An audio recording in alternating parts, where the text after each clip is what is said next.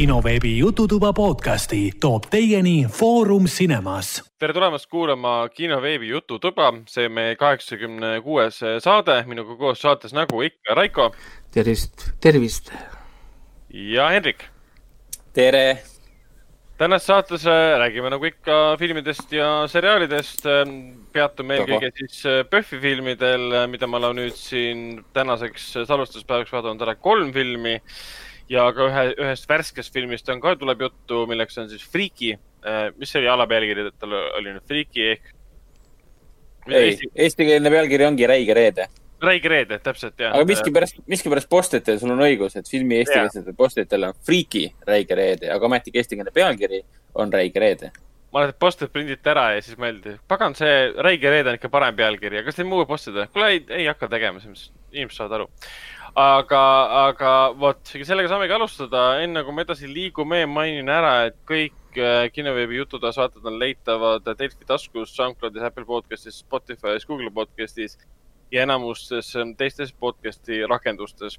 aga enne kui liigume Freaky või siis Räige reede juurde ja enne kui liigume siis PÖFFi filmide juurde, räägime nendest filmidest ja seriaalidest, mis me oleme siin vaadanud kahe podcast'i vahel.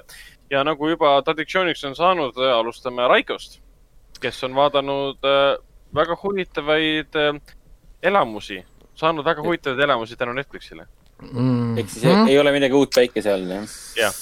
jep, et äh, ma olen endiselt oma sel veidral äh, teekonnal, kus ma avastan endast äh, võib-olla pooli, mis ma ei arvanud, et mul väga on. näiteks see, et mul äh, tuleb välja, et meeldib väga reality tv.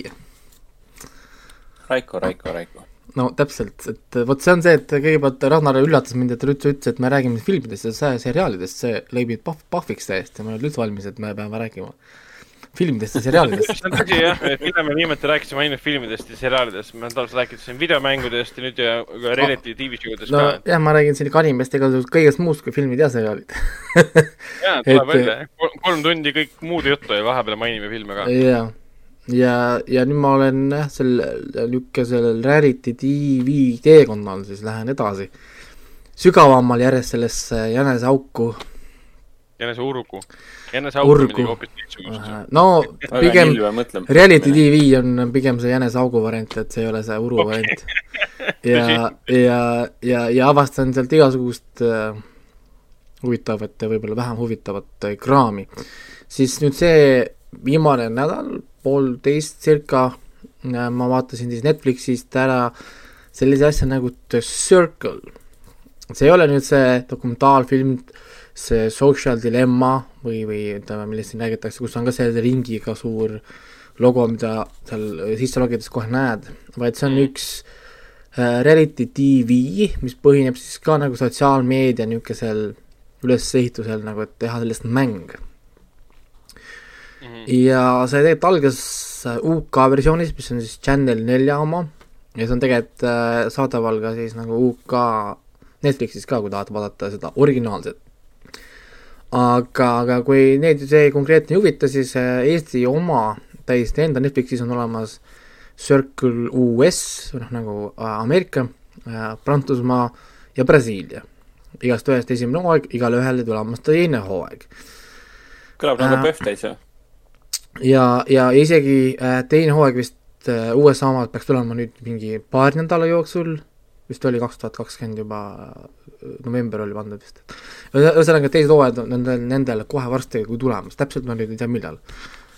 ja lühidalt põhimõtteliselt ma räägin, mis see nagu selle niisuguse TV-mängu reality tv kontseptsioon on. see on niimoodi, et kaheksa inimest kolivad ühte majja, see maja on kuskil Inglismaal Manchesteris. me täpselt ei tea, kus kohas see kortermaja on. Nad on ehitanud terve kortermaja ümber, mis on tegelikult päris huvitav nagu noh, nagu niisugune, niisugune asi, mida teha on ja re-, re-, reality tv jaoks. ja, ja iga mängija saab omale korteri, on ju, need korterid on tegelikult kõik helikindlad asjad, et nad ei kuulda teistesse korteritesse mitte midagi. Neil pole ei telefoni, neil pole laptop'e, neil pole ühtegi viisi, kuidas maailmaga suhelda, nad ei käi korterist väljas mitte ühtegi korda, ehk siis nagu ideaalne äh, koroona siis, siis simulaator nii-öelda.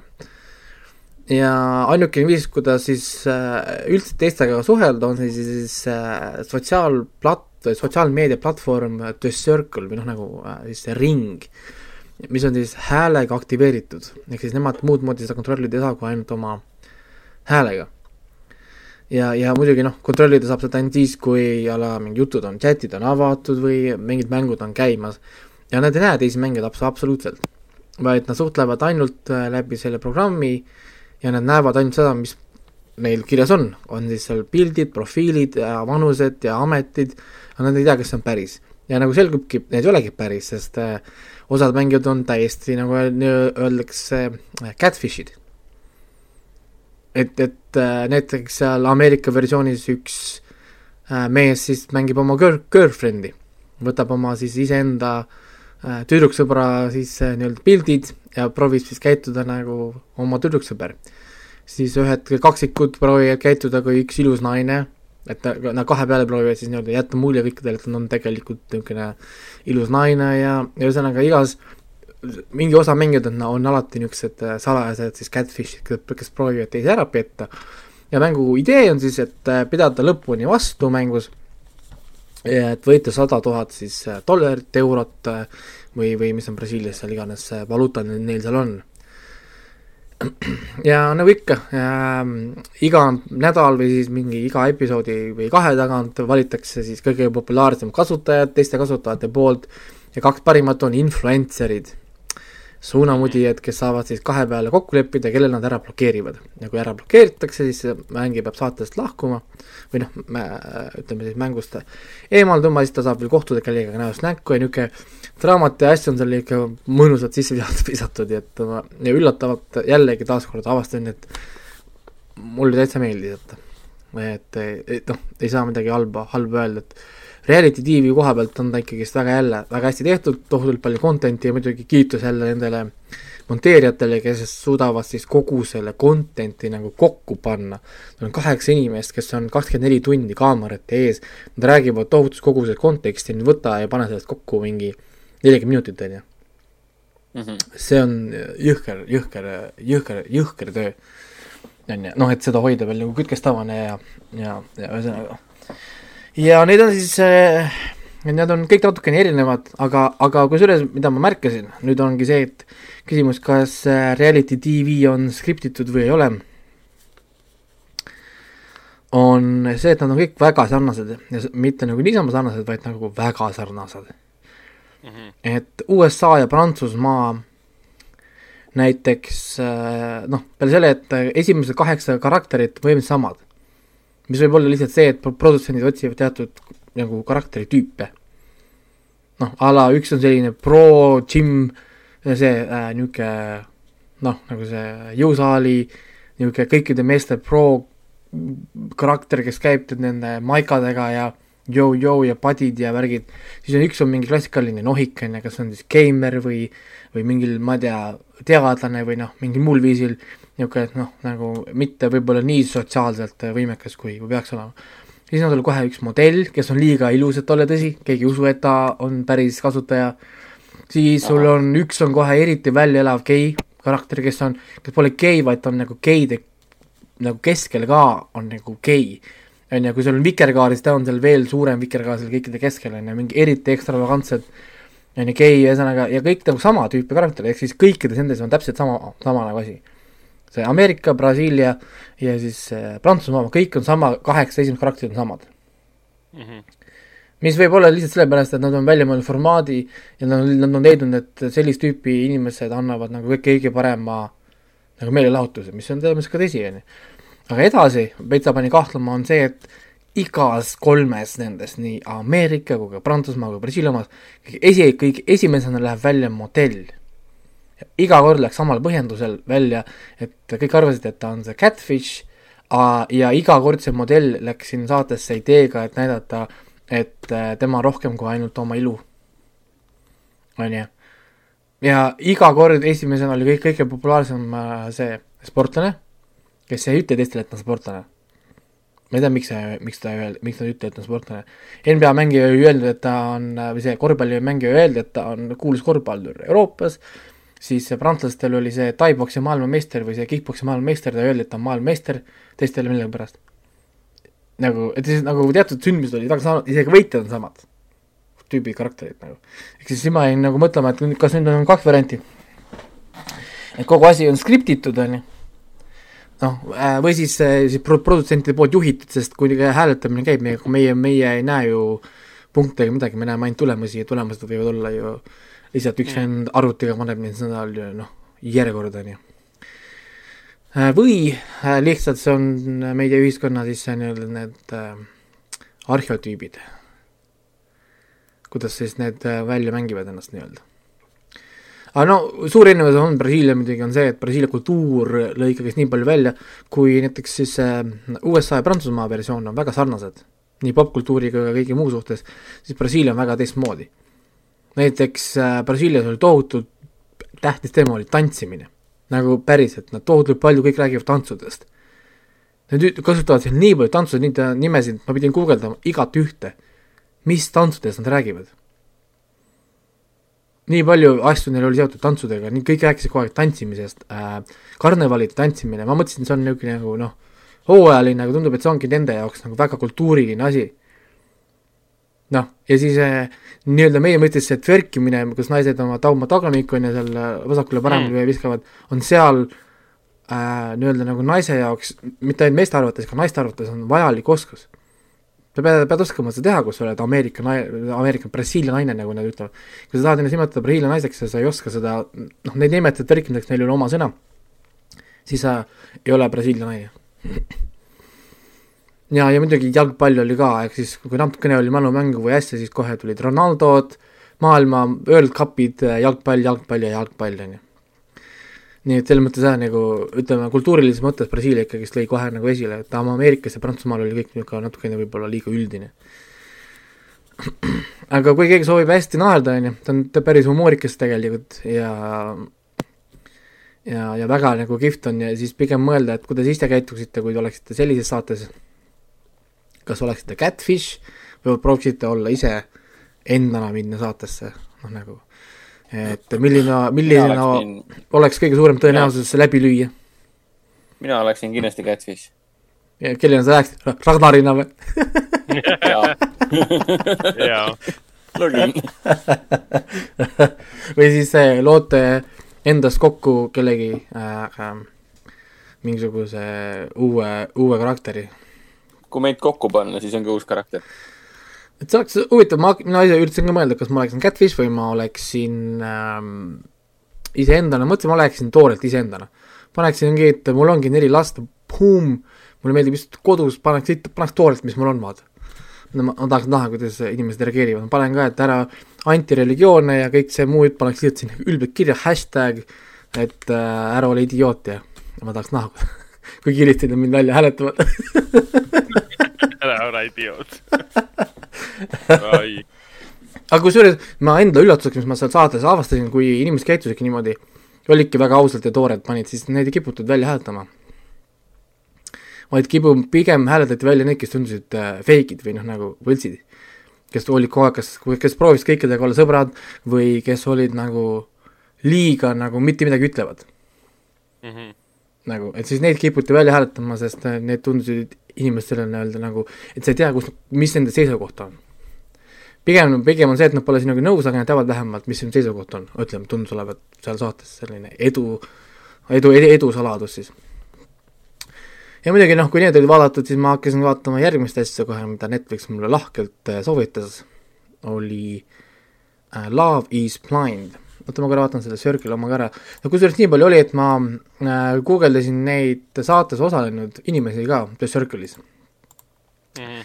ja leidsid üles ka, päris paljudel on oma mingid äh, Instagramid, kus neil on juba päris palju äh, follower'e ja siis ühel sellel äh, USA omal, see Sammy äh,, tal on oma Youtube'i konto ka, ta räägib ka tegelikult sellest äh,, fanna, vastab fännide küsimustele, siis tema ütleb ja kõik teised tegelikult ütlevad, et see ei ole skriptitud kuidagi, äh, see äh, saade. see on niimoodi, et nad lähevad siin saatesse, nad nädal aega ennem, kui nad nagu saatesse nagu jubavad, nad lendavad sinna mm, Inglismaale, nad pannakse kuskile korterisse, nad elavad juba nädal aega ennem seda, ilma telefonideta ja asjadeta, kuskil nagu eraldi. et see on selle jaoks, et neil puuduks igasugune võimalus uurida välja infot kelle vastu nad võivad minna või noh, ühesõnaga üldse nagu ligipääsu. Ja, ja siis, kui nad saatest välja kukuvad, siis nad ka ei saa lasta veel äh, kuskile minna, vaid lähevad tagasi sinna kuskile vahekorterisse chill ima, kuni saade läbi on, siis kõik korraga lastakse nad nagu vabaks mm. -hmm. ja, ja nemad ei käi poodides asjades, vaid nemad lihtsalt panevad nimekirja kuskile laua peale või lükkavad ukse alt äh, nime, nimekirja välja ja neil tuuakse süüa. nagu ehk siis kõik, kõik asjad, kaamera filmib kõike, isegi WC-s ja duši all. aga nad, nemad lihtsalt peavad usaldama, et neid ei panda saatesse siis ah,. nagu Rannamaja siis jah armuteibad ja muud loomad. armu, armuteibad ja, ja siis vaatasin Love is blind ähm,. põhimõtteliselt see on siis nagu sotsiaalne eksperiment on tehtud äh, sellel aastal alguses ka, see, me rääkisime sellest ju ka, kui see tuli ju äh, sellesse Netflixi, see oli meil soovi-, soovitustes ka, et vaadata äh, tookord, kui see tuli, sest oli kohe mingi Eestis number üks, sest Eestile, eestlastele meeldivad reality tv, ma nüüd, ah, õigus, õigus, ma, ma vaatasin sellest ka paari episoodi aga ma jupitasin, ma jupitasin seda, ma ei vaadanud seda täielikult. nüüd ma mõistan natukene paremini ka, miks eestlastele võib-olla meeldivad nii palju. no muidugi ma, nagu Agnes ütles, ma olengi nüüd klassikaline koduemme, kui üks päev oligi, ma vaatasin äh, Netflixist reality tv-d, kaks last oli, oli, olid süles, üks oli mul kõrval ja, ja, ja, ja tšillisin seal diivani peal. Et siis ta just ütles, et, et, et mul ongi juba see korralikult tehtud. et ma olen korralik Äh, soo, et meil on soorollid vahetuses, tema samal ajal pani tapeeti ja värvis siis äh, uut tuba. Ja siis ta just, just ütles, et me oleme väga progressiivne. Et äh, kui keegi teab, mis see Love is blind on, siis see on sotsiaalne eksperiment, kus võetakse mingi hunnik mehi, hunnik naisi ja pannakse nad siis omavahel suhtlema või noh, nagu kohtingutele, aga idee on siis see, et nad ei näe üksteist ja neil pole tähelepanu hajutavaid asju, ehk siis pole telefone, pole sotsiaalmeediat, äh, noh, mingit tööd, mitte midagi, need on kõik nagu eraldi eraldatud ära, neil on seitse päeva aega, et armuda, äh, kui ei armu, noh, siis lähed koju, kui armud, siis tuleb äh, naiseks paluda või siis meheks paluda, noh, nagu kelle iganes sa sealt leiad, ja siis teil on kolm nädalat peale seda aega, et abielluda. On ju, see tundub nagu väga niisugune nagu crazy, on ju, noh, ideeliselt ja esimeses kahes episoodis läheb tohutu tempoga läheb see sari, sest nad tahavad kogu selle asja nagu läbi käia. põhimõtteliselt esimese kahe episoodiga me näeme, kuidas viis paari siis leiavad üksteist läbi nende seinte tehtud vestluste. viis paari leiavad üksteist ja mehed paluvad siis naised, naised abielluma, üks naine palub ühe mehe siis nendele nii-öelda abikaasaks ja kõik ütlevad siis jah, suurelt uhkelt lõpuks kohtuvad omavahel, kõik on rahul või väidetavalt esi, esialgu, et nad kohtuvad üksteisega. ja siis lähevad, jah, siis lähevad Mehhikosse, et äh, hakata nüüd oma füüsilist suhet arendama. on ju. ja muidugi, muidugi, muidugi draamat on palju seal ja kusjuures üks asi, mis siin on, noh, põhimõtteliselt see, see, oota, enne kui ma hakkan nagu siin natukene vinguma, on ju, oli, on see, et sarja formaat on tegelikult, noh, ongi niimoodi, et seitse päeva nad räägivad nendes kapslites, suhtlevad, armuvad, siis nad lähevad Mehhikole reisile, kui seal veel on alles, omavahel suudavad olla, siis nad kolivad kokku. Neile ette antud korterisse või nagu majja, elavad seal, peavad perele tutvustama, sõpradele tutvustama oma uusi kaaslaseid ja siis on pulmad.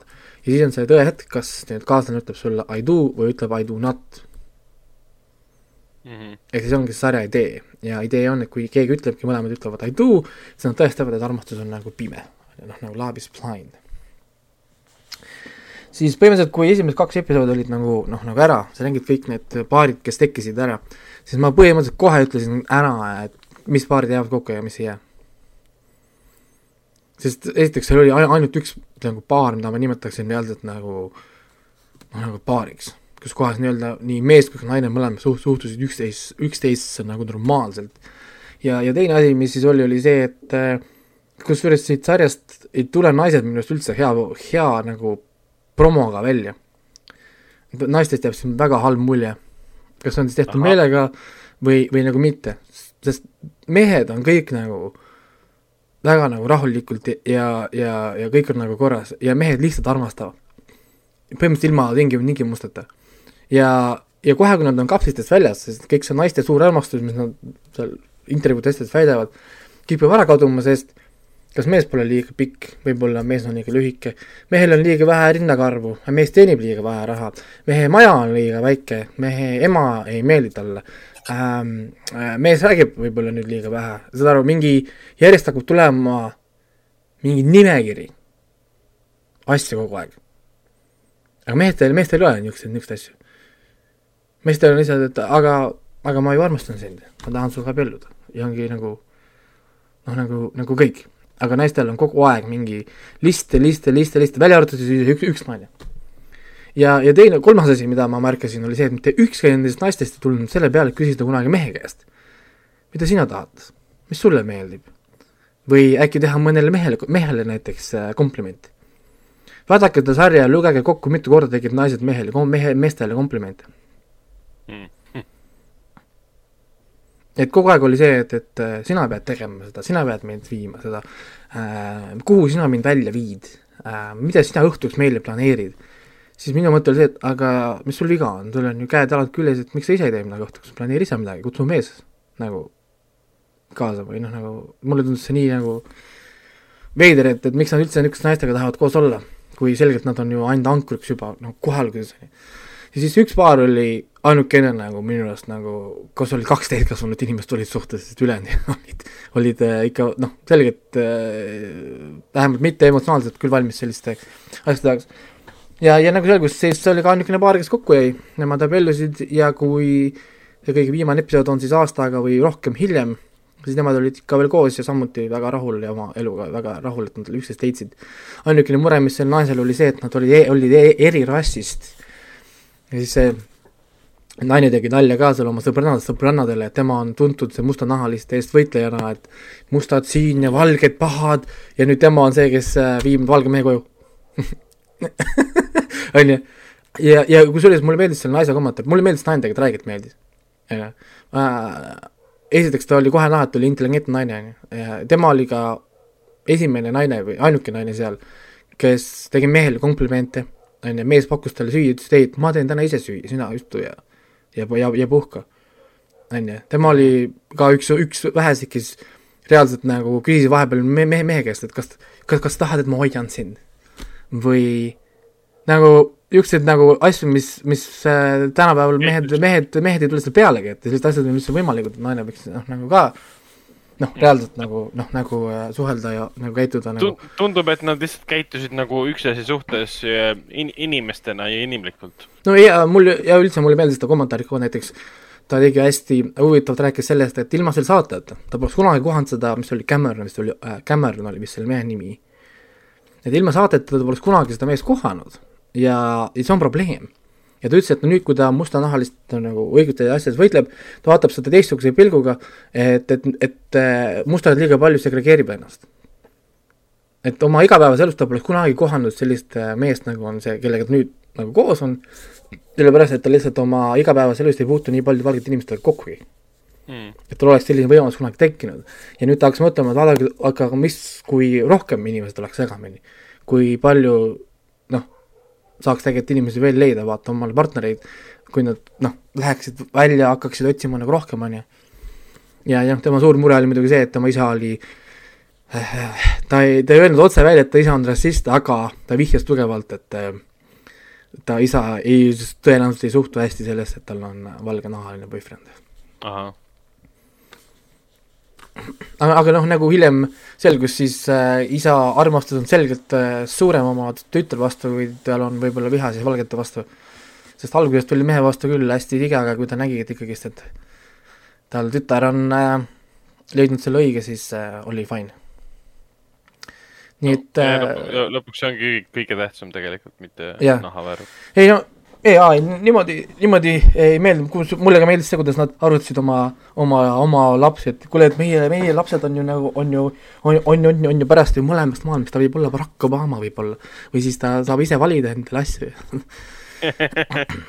Et selles mõttes nagu jah, et huvitav sotsiaalne eksperiment oli küll, iseenesest, et seal muidugi noh, mõned on, mõned paarid olid ikka väga viga, kohe alguses said aru, et issand jumal, mis teil on viga see ei lähe teil mitte kuskile, te sõidate mõlemad lihtsalt otse vastu betoonmüüri praegult, et ja, ja noh, niimoodi ka läks, et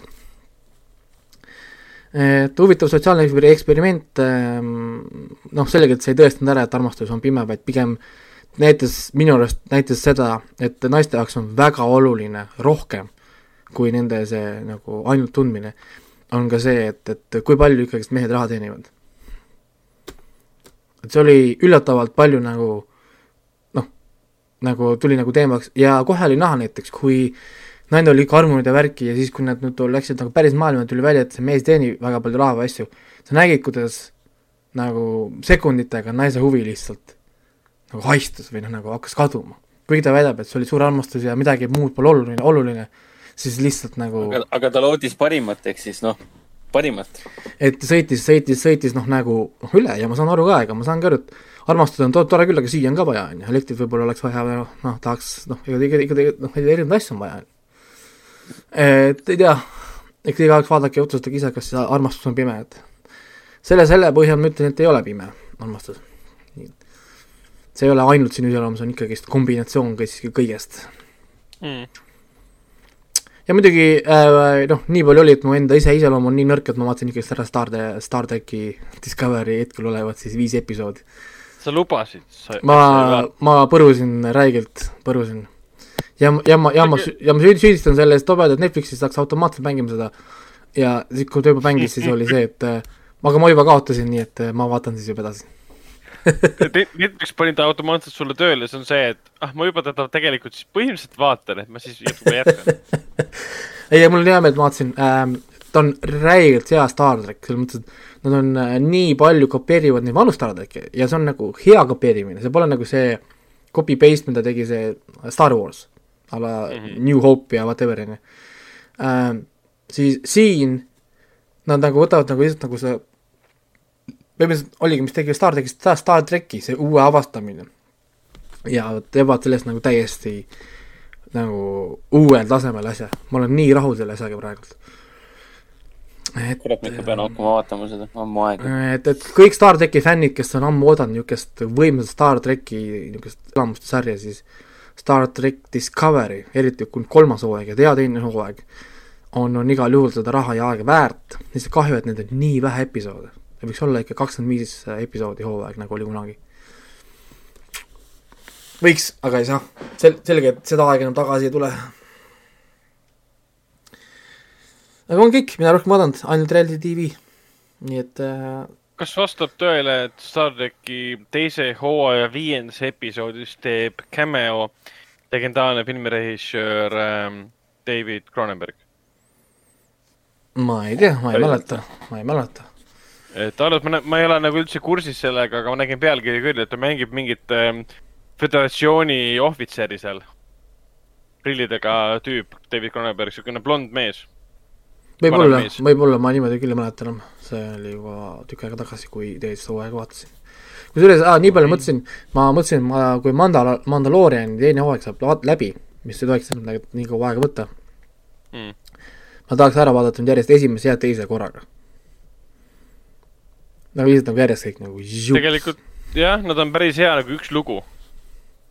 no, või noh, nad on eraldi lood, aga ma ise mõtlesin samamoodi, et äkki ei peaks Mandaloriani, Mandal-, näiteks Mandaloriani vaatama igal reedel.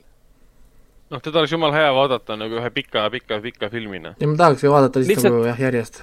lihtsalt nagu probleem seisneb selles, et äh, kui ma ei vaata, siis kas ma siis äh,, kas ma siis äh, noh, ma saan mingi, mingi osa uudistest, filmiuudistest, teleuudistest, üldse minu huviala uudistest, ma saan ju Facebooki feed'is, kus ma olen follow inud vastavaid asju. mis ma siis teen, kas ma siis nii kaua, kuni, kuni, kuni uus osa pole, viimane osa pole väljas, kas ma siis äh, mute in nad kõik ära või? on ju võimalik äh, põhimõtteliselt vaigistada need veebisaidid et noh mm., kas ma siis keeran oma sotsiaalmeedia kinni siis põhimõtteliselt või? sest nad kõik ju spoilerdavad. täna ka jälgisin, kuidas kõik veebisaidid spoilerdasid selle eh, teise hooaja kolmanda osa ühe tegelase mõnusalt ära nii-öelda. noh, täna veel kuidagi, aga minu meelest nad tegid seda juba reedel, põhimõtteliselt kohe, kui inimesed kommenteerisid ka. kuule, episood tuli just välja, ma ei ole veel jõudnud kojugi, mida sa teed, noh. et noh, sa lihtsalt näed ära kõik, mis noh mingi fan favorite tegelane ilmus välja, mina ei teagi, Raiko kindlasti teab rohkem no.. oota, mis asi, mis, mis asi oli? kuidas? oota, mis see viimane asi sul oli, mis sa ütlesid?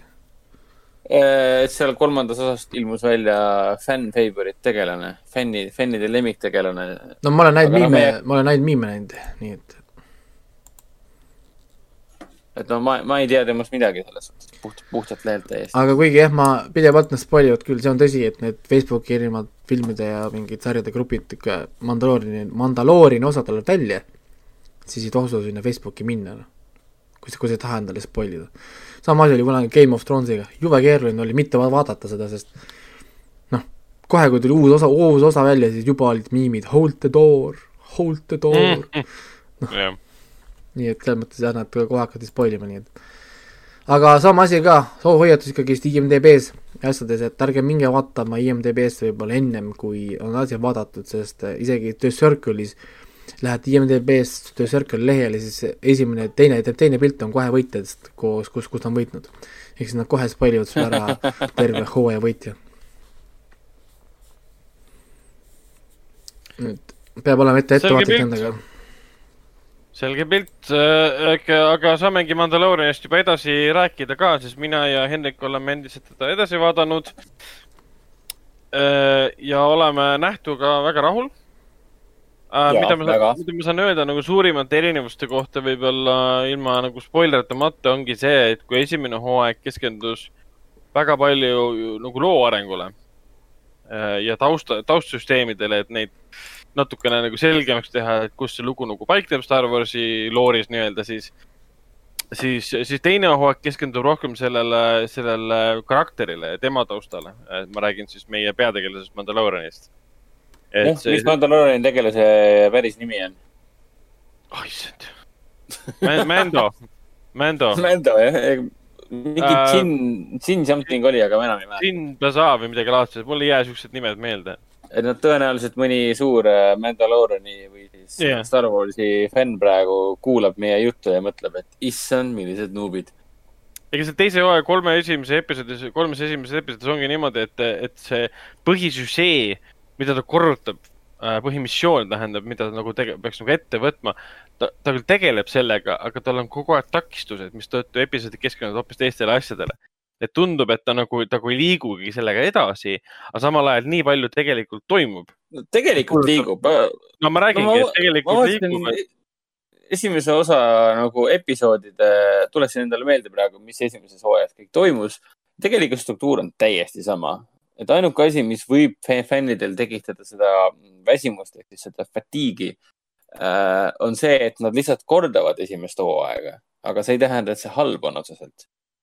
et no esimeses hooajas hooaja täpselt samamoodi, sai oma kuradi lapse kätte ja siis äh, nüüd on vaja mul sinna minna, aga oih, mul tuleb nüüd kaks episoodi fillerit siia vahele, sest äh, mul ei ole nii lihtne oma eesmärki täita, et noh. aga, aga seda tehti, tehti ka esimeses hooajas, nüüd tehakse seda teises ka nii-öelda.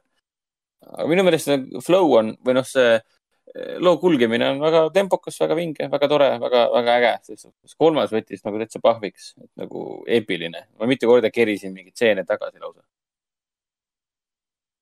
et see lihtsalt nagu pööra, pööraselt, pööraselt palju on nagu eelarvet juurde vist antud. mis on ka naljakas asi, mida Disney kontekstis öelda, et neil, neile on eelarvet juurde antud. ei, raha oli kogu- neil kogu aeg, et see pole neil otsa saanud, ega nad, ma ei usu, et siin väga palju juurde ka anti, et nad enne seda hoidsid ennast tagasi. et No põhimõtteliselt jah, esimeses äh, hooajas oli näha ka, et nende eesmärk ei olnud teha mingit järgmist suurt spektaakelseriaali, et me oleme näinud ju Star Warsi tohutu suure blockbusterina juba. ja Mandaloriani tegelikult mõte, mis John Favreau ja siis selle teise tüübi, kes nende Clone Warsi taga on, mis see nimi nüüd oli mõte tegelikult oli see, et me võime, saame näidata low-key Star Warsi, väiksemat osa sellest maailmast, mis pole küll vähem tähtsamad tegevused, aga lihtsalt väiksem, et ei pea olema kogu aeg suured plahvatused ja kosmoselahingud ja suured tunded ja mingid lõõmavad eepilised kaklused kuskil maailma saatust, saatuse üle otsustavate tegelastega, et see nagu see on igavaks muutunud. mistõttu see on nii huvitav praegu, eriti see teine hooaeg ka, kus me saame nagu, ma ei tea Mandalooriatest mitte midagi. ma tean, et kunagi oli Jaa. Boba Fett, kunagi oli Django Fett. Boba Fett oli see, kes alguses Sarlak Pitis ära tapeti seal viiendas osas, siis Django Fett ilmus välja, oli vist nii või?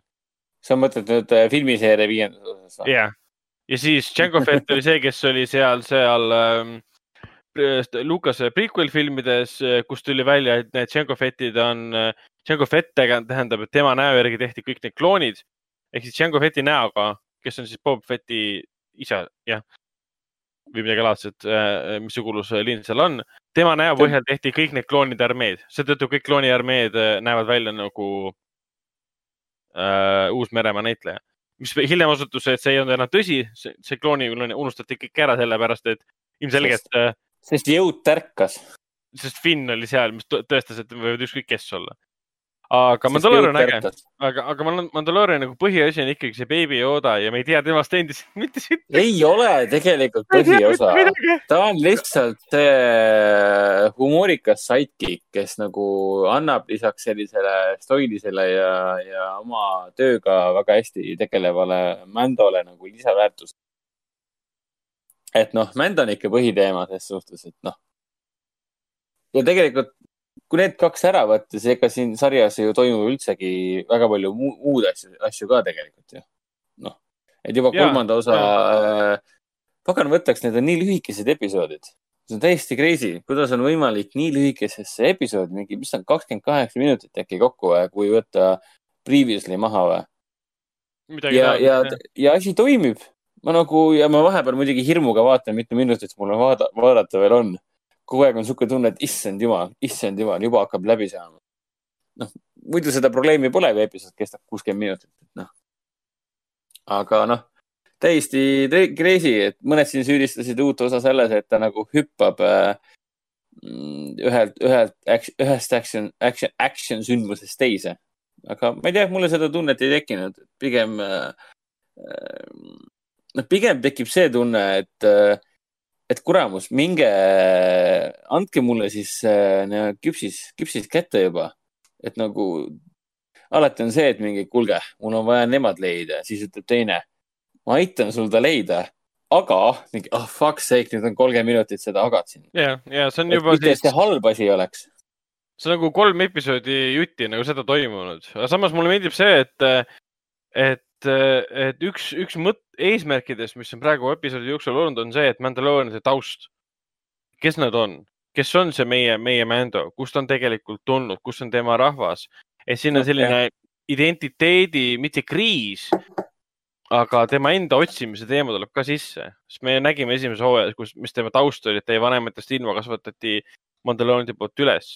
Aga kes oli see isakuju talle siis või kas seal oli, olid üldse isakujud või seal olid kõik lihtsalt nagu spartalik eluviis? kas, kas see oligi Boba Fett või nii edasi?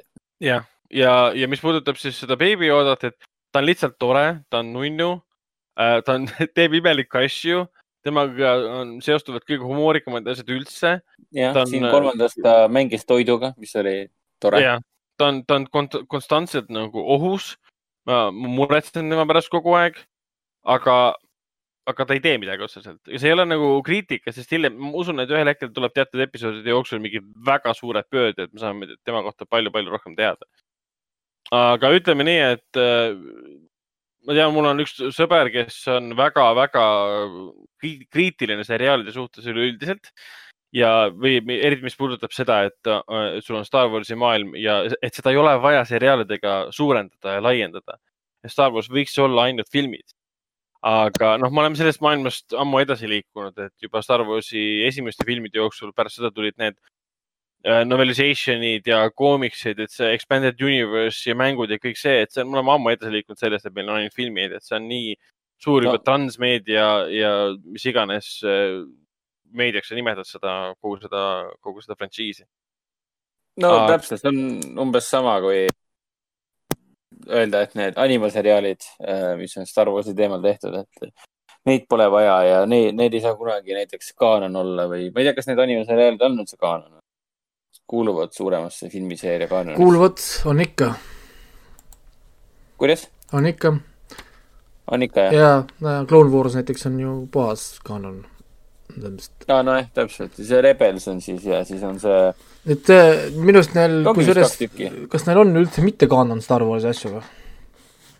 kas nad on teinud siis, äh, kui, sellega oligi see, videomängud siis või? videomängud on kõik, küll jah, mitte, mitte, mitte on kaanon. film ja tele on vist kaanon. et Knights of the Old Republic, sellega ongi see, et see, seda vist ei saa lugeda. no sellest nad teevad Kaanoniks. filmi ka, nii et eks varsti saab teada, mis sellega toimub. igal juhul võime nõustuda sellega, et äh, äh, ma ei tea, mina, mina tunnen ennast küll nagu mingi kümme aastat äh, või viisteist aastat nooremana praegu, vaadates Mandaloriani, ehk siis kogu aeg on see. on, ta on, ta on ilus, mind ilgelt vahepeal häirib, kui Jaa. ilusa pildiga see asi on. ja kusjuures täiesti crazy, noh. PlayStation on niisugune douchebag, ta teab, et ma ei vaata seda praegult. ja siis mängin no, PlayStationi peal mängu, siis tuleb, tuleb üles see pliks Disney pluss has added a new episode of Mandalorian, mul on ähm, nagu miks sa, miks sa, miks sa mind nagu kiusad, ma tean, las ta olla ja siis läheb, läheb kaks tundi mööda, just a reminder, there, there is a new episode of Mandalorian waiting for you, ma ütlesin oh my god. lase, lase inimesel olla. aga noh, Mando, Mando on piisavalt hea, et äh,, mitte piisavalt hea, et ta vaimustab, et äh, noh, mul oli ka nagu ütleme niimoodi keset, keset tööpäeva, ma olin kodukontoris ja äh, lihtsalt nagu ei jäänud midagi muud üle, et ai, ai, nüüd praegu boss kuulab mingi, kurat, Hendrik, seda ma arvasin. nii päevapalgast miinus kolmkümmend protsenti. mis, mis, mis, mis päev see, mis, mis päev see oli? nüüd me paneme kõik kino kinni raisk. aga jah, sellega, seda võib jah isegi üle, üle korrata, et Mandalorian paneb ennast tundma, paneb vaatajat tundma nagu sellise noore pisikese poisina, kus me esimest korda võib-olla Star Warsi nägime ja tundsime mingit erutust, issand, kui lahe see on. ja nüüd, kus see Star ei, Wars on aa, nii suureks ja edasi arenenud, me ei tunne enam seda erutust, et aa, siin on jälle mingid eriefektid ja jälle mingi Skywalker. ongi täpselt see jälle, jälle, jälle. no täpselt, ja siis lõpuks me näeme No. no. Mandaloriani, vau, see on uus, see on, on lahe., ei, on, siis on see roheline nunnu konn, ma tahan teda koju enda. see, see, ta tundub nii värske ka, vot see on see teine asi jälle, peale selle, et ta ilus on, ta tundub värske, tegelikult siin ei ole midagi uut, kui sa nagu mõtled pärast nagu episood on läbi, see tegelikult teeb nagu uut, aga lihtsalt see kõik tundub nii värske, nii nagu noh, värskendav selles mõttes, et, et sa vaatad ta nagu ära ja, ja tahaks nagu veel, noh, see ongi nagu selline, põhimõtteliselt on hästi tehtud. Ja, ja nagu Ragnar ütles, et see paneb sind tundma noore poisina, kas sa oled täna mees naine, vahet pole, igal juhul tunned, tunned, ennast kui noor poiss, et mina, mina mõtlesin pigem, pigem, ma ei mõelnud üldse tegelikult Star Warsi kontekstis, vaid äh, pigem tuli lapsepõlv meelde, kui sa nagu ootasid iga nädal, no ma ei tea, Losti või Fringe'i. Digimoni, see oli nagu, või Digimoni jah, noh, ehk siis see oli iga, iga fucking hommik nii-öelda enne kooli minekut. aga, aga see on nagu, mul on pigem võrdlus jah, Losti või Fringe'iga, et nagu sa ootasid seda kindlat päeva, et täna õhtul on see Lost oli küll, pühalik jah. Oli küll mingi kanal, paned endale tee või kohvi valmis. kanal kahest või, või, või või kus ta õhtuti jooksis, ma mäletan, siis me ootasime ka ikka kanal kaks vist oli. sõpradega mingi õhtul kell üheksa hakkas, ma ei mäleta, mingi õhtune kellaaeg oli. pidin yeah. Kauplema ka veel vanemate käest, et, et ikka nagu saaks olla üleval, et vaadata. see oli, see oli päris oli kihvt see oli päris kihvt. see oligi, iga nädal oli üks püha nii-öelda. nii, aga lähme edasi. sest, sest me saame edasi minna, millega ongi sinu seriaal, mis sa vaatasid Netflixis, To the Lake, mida mina ja Raiko pole endiselt vaatama hakanud. pluss sa tegid äh, Haunting of äh, Bly Manor'i lõpu peale. see tähendab, et sa saad meile rääkida kahest hooajast praegu, mis sa oled ära vaadanud, kahe erineva seriaali kokku kahest hooajast. Jaa, no tu- tu- no alu, alustame, alustame hästi kiiresti siis Bly Manorist ja ütle ära, et mis, mis oli siis hea või mitte. no nagu läks paremaks võrreldes selle jutuga, sellest, selle arvamusega, mida ma siis eelmises äh, podcast'is äh, ütlesin, et, et, et Hill House, Flanagani, Haunting of Hill House on märgatavalt parem. et Bly, Bly Manor äh, läheb kuidagi liiga suurde äärmusesse. et kui Flanagan on tasakaalus, siis on ta fantastiline, aga kui ta hakkab kalduma kuskile ühes või teises suunas, noh, ühes kindlas suunas liiga palju, siis asi läheb natukene eh, liiga teistsuguseks, et ei ole võimalik seda otseselt nagu noh, niivõrd palju nautida.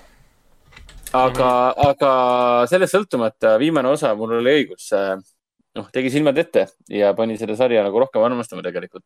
ta on hoopis teine loom kui seda, kui on Hill House ja ka ma, aga Hill House on jätkuvalt parem kuigi viimane osa üllatas oma struktuuri poolest, et selle asemel, et teha eepilist äh,, eepilist finaali, umbes see, mis oli ka Hill House'is, tegi ta täiesti teistsuguse lõpu nii-öelda. et ma ei saa midagi lõpu kohta öelda, aga mulle kaks viimast osa kusjuures eelmises oo- episoodis ma vist ajasin jama täielikku, et ma ütlesin, et mul on üks osa jäänud, tegelikult oli kaks osa jäänud. aa, okei.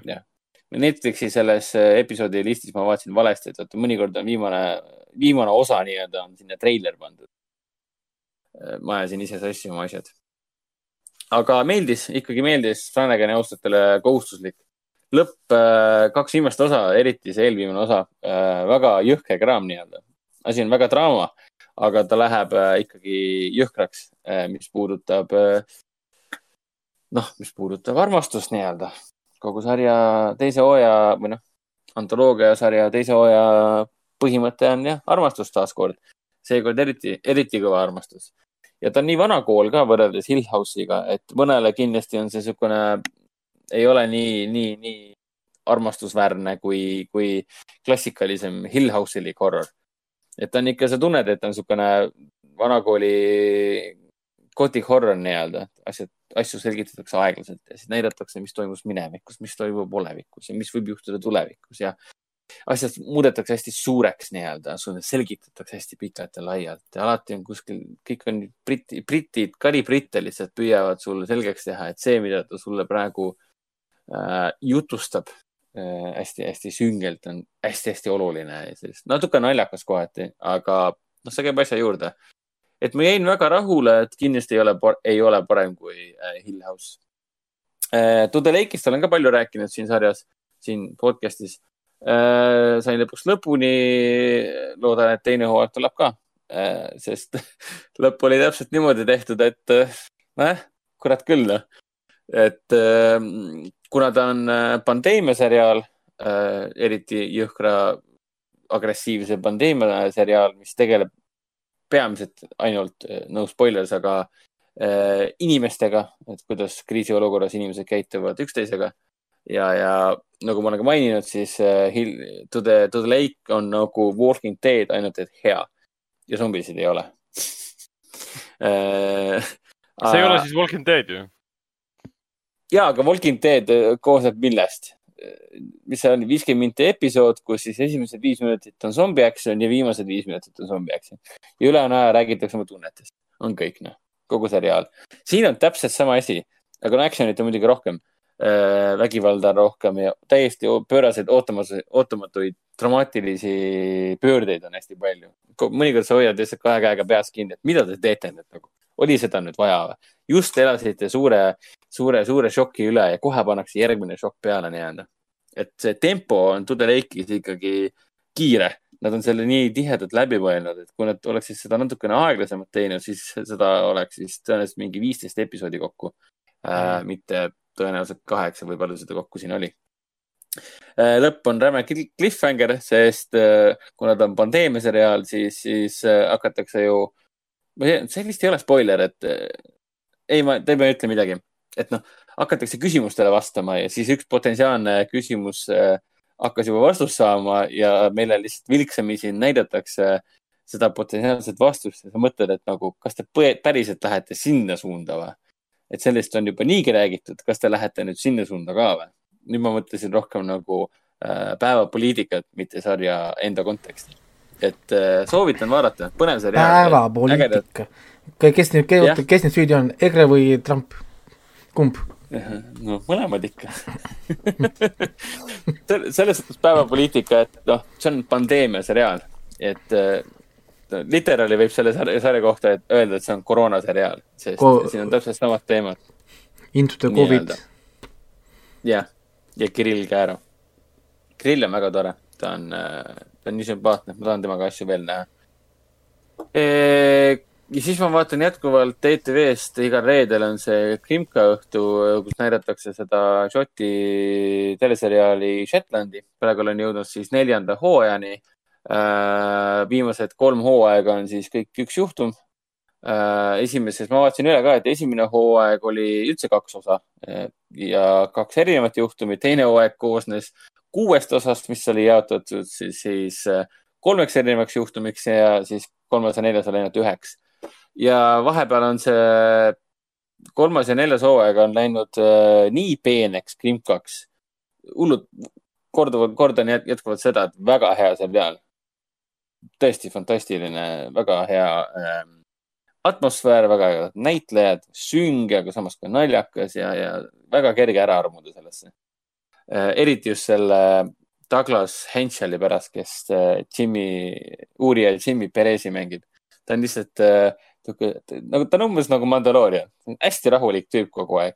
kui keegi mölisebki, siis äh, tema ei lähe närvi, tema lihtsalt vaatab sulle otsa mingi I m gonna kill your ass, et noh, ta on nii äge tüüp nii-öelda, ta on, ta on nagu Šoti, Šotimaa see Mandaloorian. ja, ja millega ma siin nüüd neljandast, neljand-, mul on neljandas hooajas siis kaks osa veel jäänud, hästi põnev on vaadata.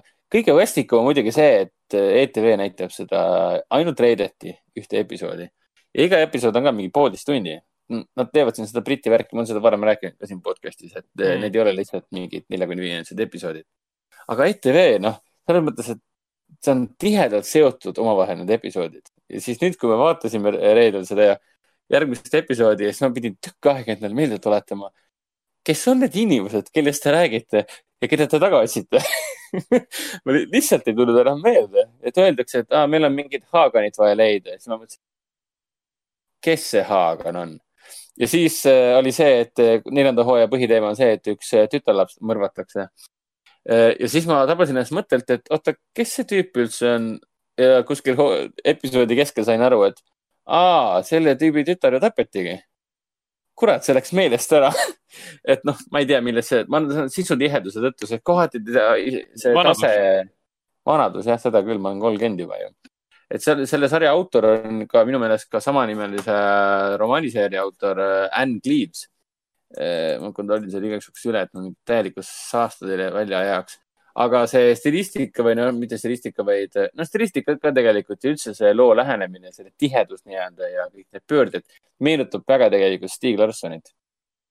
samuti noh, nii-öelda skandinaavialik kirjandus mingis mõttes äh,. eriti just Stig Larssoni seda tätoveeringuseeria esimest raamatut äh,. mitte, et samad teemad oleksid või siis äh, sisuliselt, aga see, kuidas ta nagu läheneb materjalile, et ühel hetkel sa oled nagu täiesti, täiesti clueless, täiesti liimist lahti nii-öelda, ehk siis sul pole õrna aimu, kes, kes murtsukas on.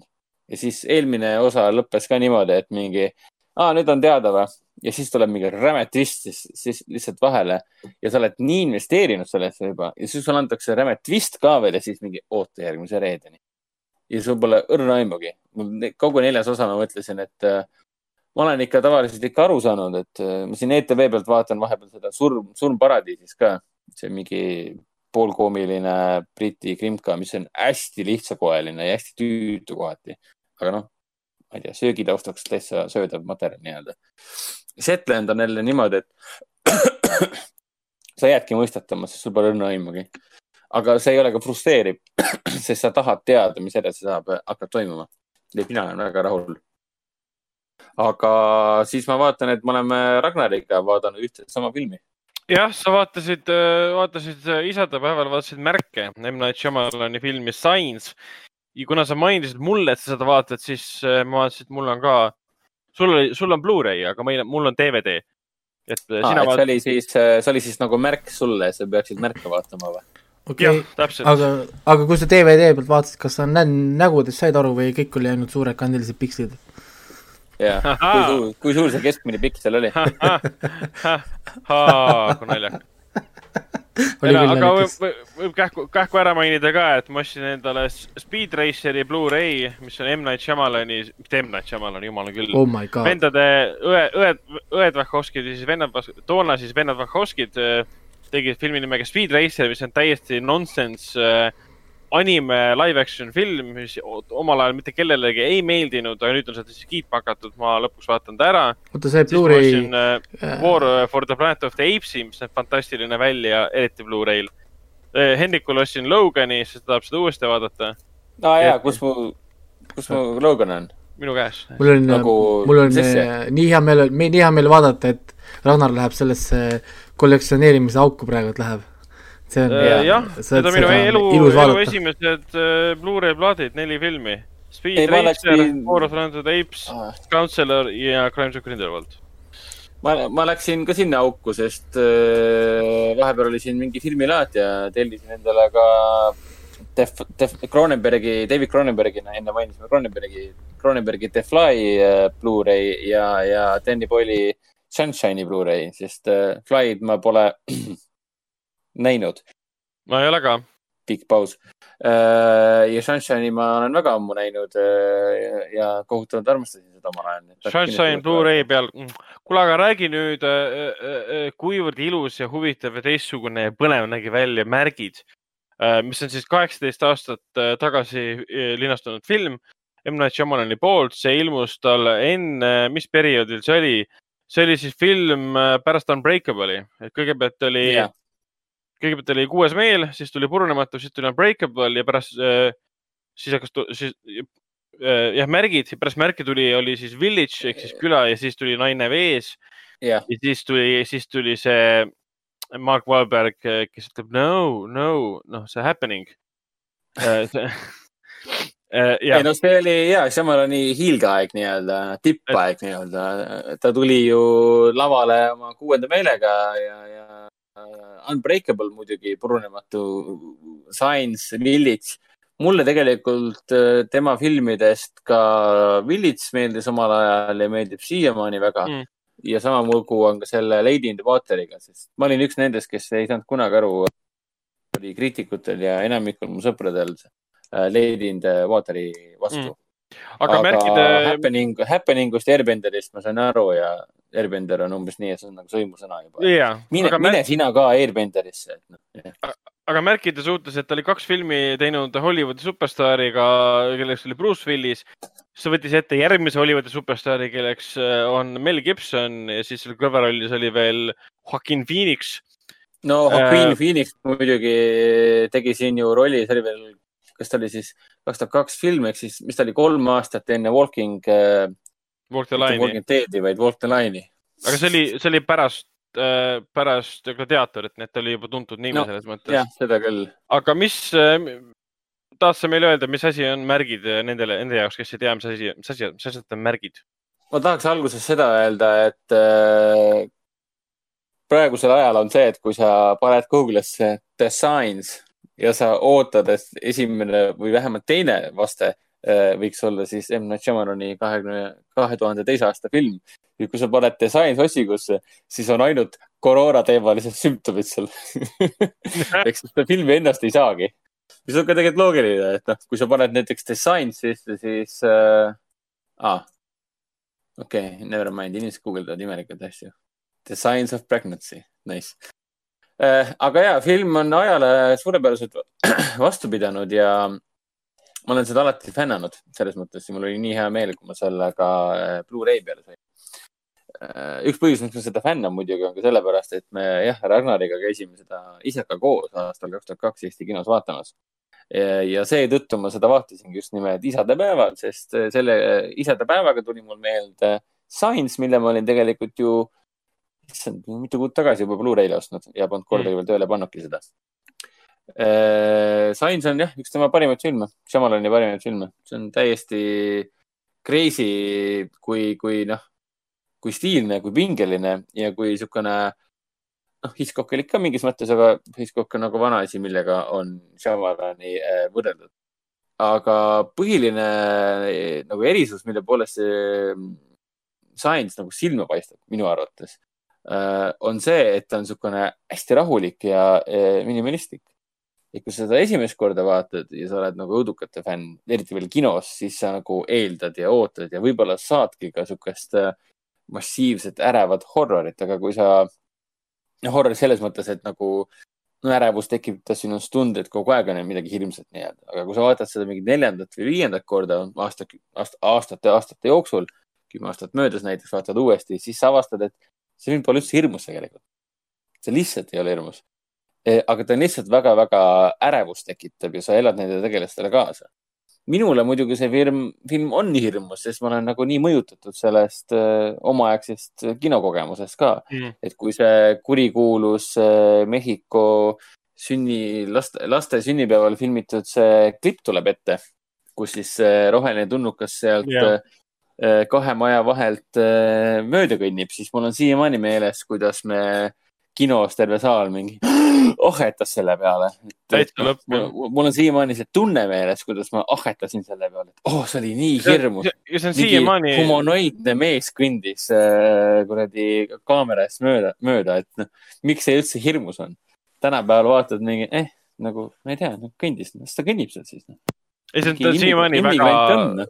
väga efektiivne hirmutamis, hirmutamiskoht, aga üldse mä- märkide suhtes on see huvitav, et seal on James Newton Howardi muusika, mis on juba esimesest tiitrist alates väga creepy.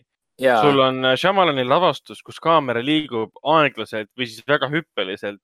seal on siuksed perfektsed kohad, kus Mel Gibson, kes fantastilise rolli teeb, käib seal äh, viljapõllul, sellel äh, maisipõllul ringi öösel väriseva taskulambi saatel, vaatab ringi, näeb seda tulnuka jalga ja kui sa näed, et tema kardab, kuna sa usud teda, tema hirmu, siis vaata ja, siis mina reageerisin sellele koheselt, et ma, ma kartsin ja võpetasin ka, sest sa usud karakterit, et tema kardab. asi pole selles, kas sa näed hirmutavat kohta, asi on selles, kas sa elad kaasa karakterile, kes ehmatab.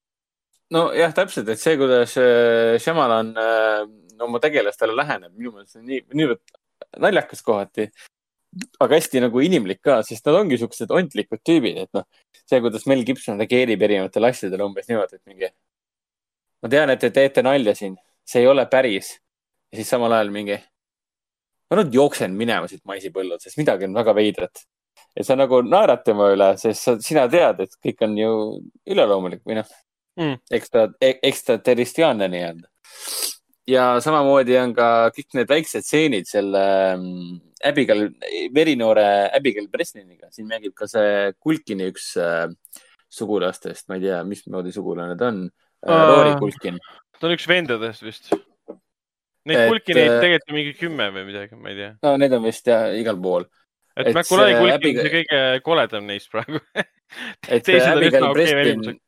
Mängib siin ju seda veefoobia all kannatavat väikest tüdrukut ja seda muud, muud juttu ei räägi, et, et see, oota, Kaja on miskipärast ees. Te ei kuule või? ei, ma ei kuule mingit kaja. korraks ma kuulsin, tehniliselt ma hakkasin Kaja kuulama, ikka veel kuulen. Aga igatahes see Abigail Breslin on minuni see ei jõua äh,, minuni see kada pole praegu jõudnud, nii et siis siis ei tohiks ka okay. teistele jõuda. okei okay., sorry, et ma katkestasin korraks. aga jah, see, ta on nii väike nunnu tüdruk, kes tuleb kogu aeg oma kla-, veeklaasiga.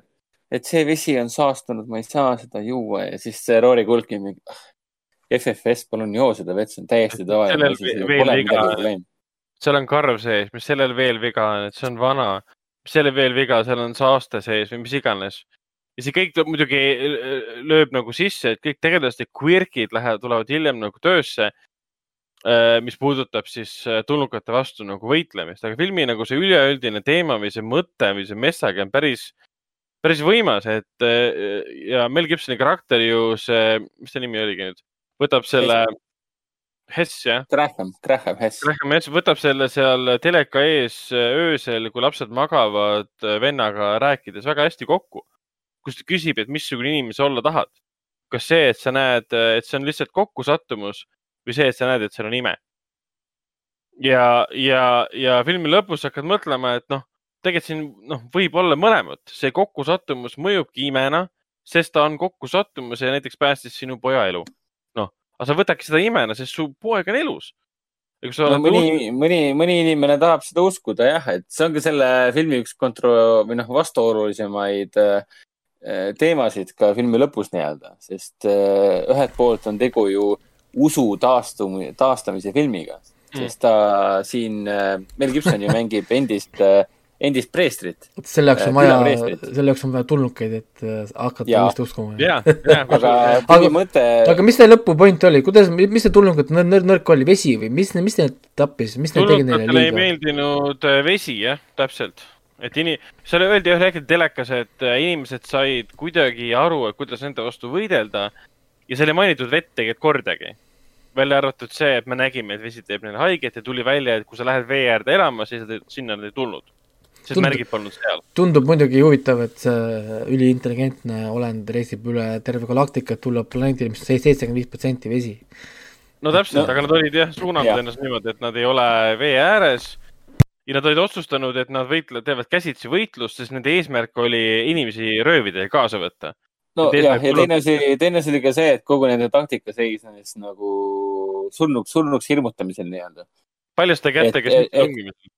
Põhimõtteliselt jah, et äh, aga nad vist, noh, filmi loogika oli see, et äh, nad ei arvestanud sellega, et inimesed on võimelised äh, mitte nagu pead kaotama, vaid ka koos võitlema nii-öelda.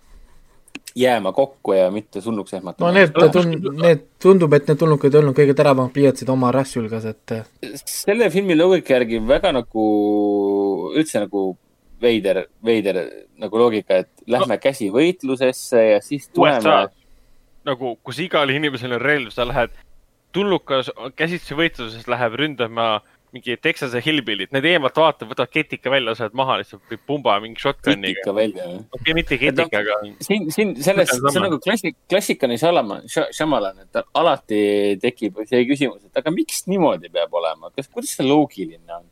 et miks just vesi, et kui nad, vaat see filmi, filmis selgitati ka, et miks need märgid üldse maas olid, sellepärast et need olid äh, juhisteks, et nad saaksid kohale tulla ja, ja koordineerida rünnakut. aga see tekitab küsimuse, et kui te nüüd koordineerite seda kõik nii täpselt, siis miks te nagu ähm, kõike muud ei, ei, ei uuri, eriti kui te olete veel, vaata nad olid need tüübid ka, kes võtsid ju vastava materjali värvuse. ehk siis nad suutsid sulanduda keskkonda ja hiilida ringi nagu ninjad nii-öelda. et noh, siin tekib küsimus, et miks te siis midagi, mingit muud infot üles ei leidnud ei no üldse, et kui sa oled nii tehnoloog-, tehnoloogiliselt arenenud asjad, miks sa jätad maha märke No. miks sa kasutad no., ma ei tea, GPS-i, ma ei tea No. see jah, aga noh, tead, aasta oli siis kaks tuhat kaks ja, ja Ja aga- Shamalan, Shamalan, Shamalan mõtles, et ma olen maailma parim ja, ja, aga mina, mina olen valmis kõik andeks andma, sest äh, tal on selle filmil nagu hell koht minul ja, ja, ja see usu taastumise element, noh, ma ei ole kunagi usklik olnud ja ei hakkagi olema. Aga mulle oi, antud filmi vau, millised, millised, millised laused siin. äh, ära, ära ole nii resoluutne, viie aasta pärast oled siin äh, chatis ja vaatad, vaata, räägid oma, oma John Smithide ja mormoonide filmidest siin, et kuidas, kuidas no,, kuidas need sind muutsid., viie aasta pärast on mul ka siin 5G vastane müts peas ja, ja, ja kuulutan seda, et äh, maakera on ikkagi lapike. oota, oota, ei noh. äh,, viskame sõna sponsorile, sponsorile siis ka, et 5G vastane müts ainult kakskümmend kolm eurot, kui te olete klubi liige, nii et äh, kusjuures päris odav tegelikult, et ja, et äh, ma ma nüüd ei tea täpselt, mis, mis see allikas on, kus sa selle informatsiooni leidsid. see oli mingis mingis lehes oli reklaam. aga kust seda osta Aa. saab siis? et kuhu ma, kuhu ma helistama pean, kas info on ka siin või? aa, ei olegi või? See oli üks nendest lehtedest, see, ma, ma teeksin selle välja jah, selle screenshot, screen, screenshot'iks. see tundub olevat üks nendest ajakirjadest, mida müüakse kuskil ähm, R-kioskides ja mujal, vaata need äh, kergest paberist tehtud äh, ma ei tea, seda arstid sulle ei räägi, su, su, ei- reaalselt on olemas. ja ei, ma, ma tahtsin tegelikult teha üldse pilti sellest teisest, see koroonaraamat, see nii-öelda see, mis iganes see popp on, mida kõik siin räägivad, kui noh, nonsense oli, siis ma leidsin, et ohoo, et seal on sellised reklaamid on ka olemas. kurb, aga kurb, aga, aga film on, räägi, räägime edasi, Film- sest Science on juba saanud aega, aega, aega on nüüd küll. ühesõnaga kokkuvõttes Science on siiamaani fantastiline film ja seda peaks igaüks vaatama, kes vähegi austab äh, Shyamalani või üldse head õudust. see on kord aastas film vähemalt ja, ja ma ei tea, miks ma seda nii vähe on üldse vaadanud. oota, mida? Kord aastas see. on nagu tihe kord kolm aastaks on fine ju. ei, kord aastas, mis asja, miks mitte? kui, kui sul on viissada pärast, kui sul on pärast nii Viissada palju neid iga- äh, kord aastas filme, siis sa ei vaatagi enam uusi asju, sest sa vaatad ainult neid kord aastas filme kogu aeg, et ma oleksin ammu kuskil Hullaris juba, mis asja nagu. okei okay,, kuule, nii, Ragnar. aga räägi, räägi oma Queen's Gambitist, mind huvitab, mida sa selle kohta räägid. Kas sa üldse said aru, mis tal tehti? kuulge, aga mis teil oli eelmine kord lubadus, kuulge, ah, ka mäletate või, mida te lubasite eelmine kord, et mis sa, mida te ära vaatate, te vaatate ära mõlemad ühe osa ja Queen's Gambiti ja ühe osa Ted Lassot. ja ma ei näe teil Eestis Ah, mitte kummalgi Ted Lassot. ehk siis, Jah. ehk ma ei siis- mis, mul, mul on ka nägemata kõik. mis siis, mis, ma ei tea, mis ma, mis me nüüd teeme. karistuseks. Ted Lasso jah. karistuseks vaatate ära terve, terve rannamaja vaatate ära. ma pean maksma selle eest, ma pean mingi Go3-e või jumal teab mille eest maksma, et seda üldse vaadata. mul on olemas Go3 konto, et äh, aga, aga vaadates, kui hea oli Queen's, Queen's Gambit, siis ma olen, olen valmis Ted Lassoka vaatama. ma üldse ei arvagi, et see mulle ei meeldi, ma arvan, et see on väga hea. aga enne kui ma Queen's Gambitit mainin, siis ma mainin ära, et ma vaatasin täiesti tühjas kohas Spider-man Into the Spider-verse'i Netflixist ära. yes, yes, ma olen seda näinud juba äh, kaks Kuld. korda enne. fantastiline film, meistriteos, mida on suurepärane vaadata kasvõi nüüd, kasvõi sellepärast, et äh, uus Spider-man'i mäng tuleb välja ja see läheb lihtsalt nii teemasse, kui üldse saab olla, see on vapustav film. aga Queen's Gambit esimene osa väga hea. ma hakkasin seda liiga hilja öösel vaatama, olin valmis teise osa peale panema, aga vaatasin, et ma ei jaksa. Aga väga hea, tõesti väga, väga hästi lavastatud. ma ei, pole veel, kuna vaatasin esimese osa, siis ma ei ole veel jõudnud selle äh, põhinäitleja äh, Aa. isegi juurde. sa, sa nägid, kus ta oli see noor tüdruk alles, sa avastad mallet. jaa, okei okay,, ma nägin teda episoodi alguses, me nägime küll, kuna see kogu see esimene episood on flashback nii-öelda äh,. jah, episoodi alguses ma nägin teda küll täiskasvanu, oota, mis see näit-, näitleja nüüd nimi oli? Anna Taylor-Joy. jah, Anna Anna, Anna, Taylor-Joy. Taylor-Joy, jah. Aga ma näen siin kohe esimese osa põhjal, et siit saab ainult, ainult paremaks minna ja asi pole selles, et pare-, et oleks kuskile paremaks minna. ta on juba, sa näed juba kohe ära kvaliteedimärk on küljes, ta on fantastiliselt tehtud. see, kuidas väike laps õpib malet mängima äh, niimoodi, et tal ei ole malalauda äh, füüsiliselt käes või malenuppe füüsiliselt käes, kuidas see on visualiseeritud talle läbi äh, lastekoduse elamise ja lä eriti läbi äh, rahustite tarbimise, mida toona arvati, et lastele on oluline ja okei okay anda äh, igal, mida päev, hommikul vist oli, anti neile. ja see, see kombo, see, see sü- sünergia, mis sellest tekkis, need ravimid, see, et ta on värskelt sinna saabunud suur,, suur-suur kaotus, siis malemängi, kõik see, see mulle tõesti meeldis ja see tüdruk, see väike tüdruk mängib seda Anna Taylor-Joy karakterit, ma kujutan nii hästi nagu ette ära, et kui ma Anna, Anna Taylori juurde jõuan, siis ma näen temas juba neid samu elemente, mis olid selles väikses tüdrukus ka olemas. Kuidas tal on selline stoiline rahu näiliselt kogu aeg peal. et äh, ja see on, aitäh sulle, Raivo, selle, et ma vaatan teda kindlasti edasi, ta on väga, väga, väga hea. on, mul sõber ka andis alla nii-öelda, ma käi- käisin talle pinda, et äh, küsis mind, mis on head Netflixis, ma ütlesin Queen's Gambit, no ma ei viitsi, see on male, ma ütlesin, no oota Mm. mm., sa oled natukene liiga kriitiline ette, et et jäta, jäta see male korraks kõrvale, see on lihtsalt kvaliteetne asi. aga see on male Jah. ma ei viitsi, see on kuuekümnendad, see on nii igav, seal pole isegi nutitelefoni, ma ütlesin, noh sorry noh, et, et siin ma sain sind aidata, kui sa nii kergelt nagu noh, loobud, on ju. aga ta vaatas ära siis kirjutas mulle õhtul, et kurat, ma terve päev otsa vaatasin ära, et et, et nii jube, kas teine osa või hooaeg ka tuleb, ma ütlesin kahjuks ei tule, sest äh, rohkem materjali pole. miniseriaal, jah. aga ma usun, ma üldse saan aru, miks kõik seda nõuavad, et võiks tulla, sest noh, ta on niivõrd hea. aga ma räägin temast kindlasti veel edasi järgmises sa- saates, äkki mul on õnnestunud selleks ajaks läbi vaadata kõik, et nii palju seal enam vaadata ei ole. aga liigume edasi kinofilmide juurde, filmid, mis äh, alustasid nüüd siis kolmeteistkümnendal novembril Foorum Cinemas kinodes tulid kinno siis äh, sellised filmid nagu Tule eemale, Peeter Paani ja Alice esimesed seiklused, siis äh, Räige reede ehk Freaky, millest me täna ka pikemalt räägime, siis animatsioon Turu üks isemoodi kana, siis Vene sõjafilm Podolski, Podolski kursandid, siis Vene komöödia Goodbye Ameerika ja muidugi saab praegu Foorum- Cinemas kinodes saada osa ka PÖFFi seanssidest. kinos Artis on samamoodi animatsioonid Turu üks isemoodi kana, siis film Tule eemale, Peeter Paani Alice esimesed seiklused ja siis tuli ka värske-värske lastefilm, neljas osa selles seerias, Lasse Maia detektiivibüroo Rongi röövli Salladuus. mida ma tahtsin veel ära mainida, et meil Artises on nüüd esmaspäeval, kuueteistkümnendal novembril eh, kell kaheksateist kakskümmend eh, tuleb meil näitamisele uuesti Lootus. Lootus oli meil viimati kinos augustis, võib-olla septembri alg- alguses läks maha Äh, põhjuseks, miks me seda nä- näitame, on Euroopa kinoõhtu, European Cinema Night, mis on iga aasta toimunud. Creative ähm, äh, Europe ja äh, meedia seda korraldab, European Cinema seda korraldab ja see on tasuta seanssiga, üks võib sinna tulla, päeva jooksul saab pileteid võtta. meil on seal sissejuhatus, pakume head-paremat, et eesmärk, Euroopa kinoõhtu eesmärk on iga aasta äh, äh, anda võimalust, võimaluse vaadata tasuta suurepärast äh, Euroopa filmi ja seda Stellan Skarsgardiga lootus äh, ka on. vot, aga millest me pikemalt räägime, ongi siis juba mainitud äh, Räige reed ehk siis Freaky ja me räägime ka kolmest äh, Buffy filmist aga alustame, alustame kohe Freakist. kindlasti ma tean, et Raiko tahab seda vaatama minna, sest ma soovitan Raikole väga seda vaatama minna, sest see on väga hea film. Freaky on siis Christopher Landoni uus film. Landon on see mees, kes tegi ähm, Happy Death Day esimese filmi ja Happy Death Day to you tei, ehk siis teine film. see oli, oota, mis selle eestikeelne tõlge nüüd oli, head surmapäeva? palju õnne surmapäevaks. ja, palju õnne surmapäevaks ja palju õnne surmapäevaks kaks. Need filmid olid huvitavad selle poolest, et Reischer võttis lihtsalt Groundhog Day idee ja pani selle slasheriks.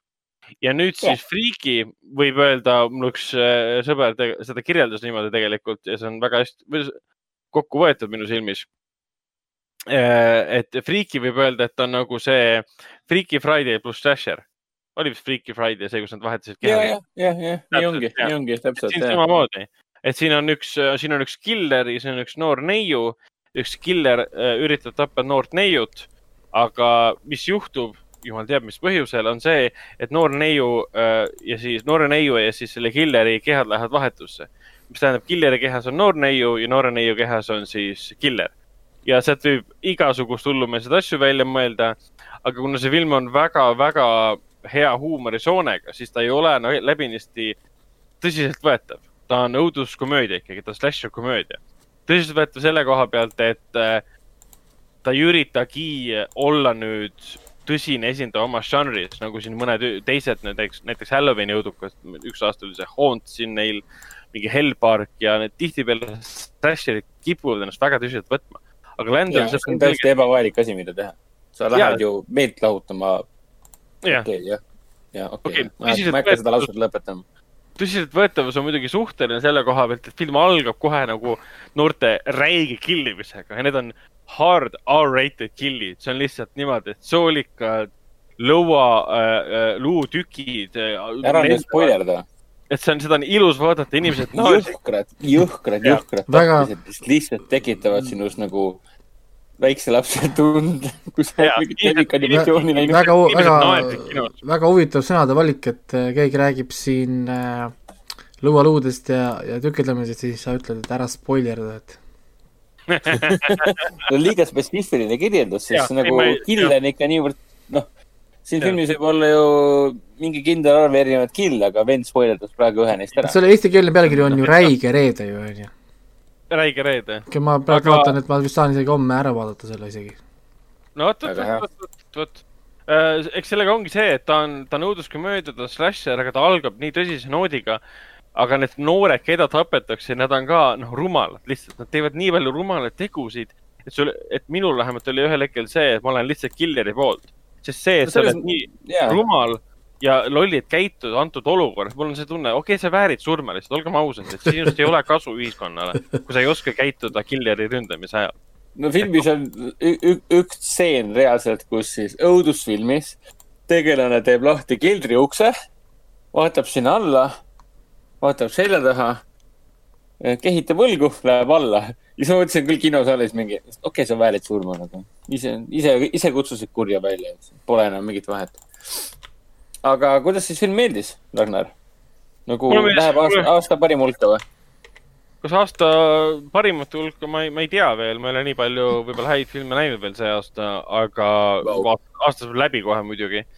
aga kindlasti üks meeldejäävaid filme selle aasta jooksul jah, et Landon teeb küll kolmandat korda sama filmi, et ta võtab ühe teatud ütleme siukse tuntud filmi või selle idee, mis on selle filmi poolt nagu tuntuks tehtud nagu Groundhog Day või siis Freaky Friday ja paneb selle kokku slasheriga. ja see õnnestub tal pagana hästi, tal on see äh, õudusfilmi teadlikkus ilmselgelt olemas, et see on, noh, treileris, Raiko, kas sa treilerit oled näinud? ei ole, aga ma panin praegu siia listi, siis ma tahan selle Koola segaviku ka vaadata, ma tahaks teha ühe. jaa, see, seda ma soovitan. ühe, ühe õudusfilmi niisuguse päeva ja ma vaatan mm. äkki, äkki isegi homme õhtul ongi niisugune päev. äkki no., lood-, loodame et tundub, et olevat kaks niisugust mõnusat filmi, kus me peame mõtlema ka, ma saan lihtsalt istuda, puhata korraks aju ja vaadata lihtsalt äh, head äh, slasherit või, või siis äh, monster horrorit. Ma arvan, et see Koola sulle kindlasti meeldib.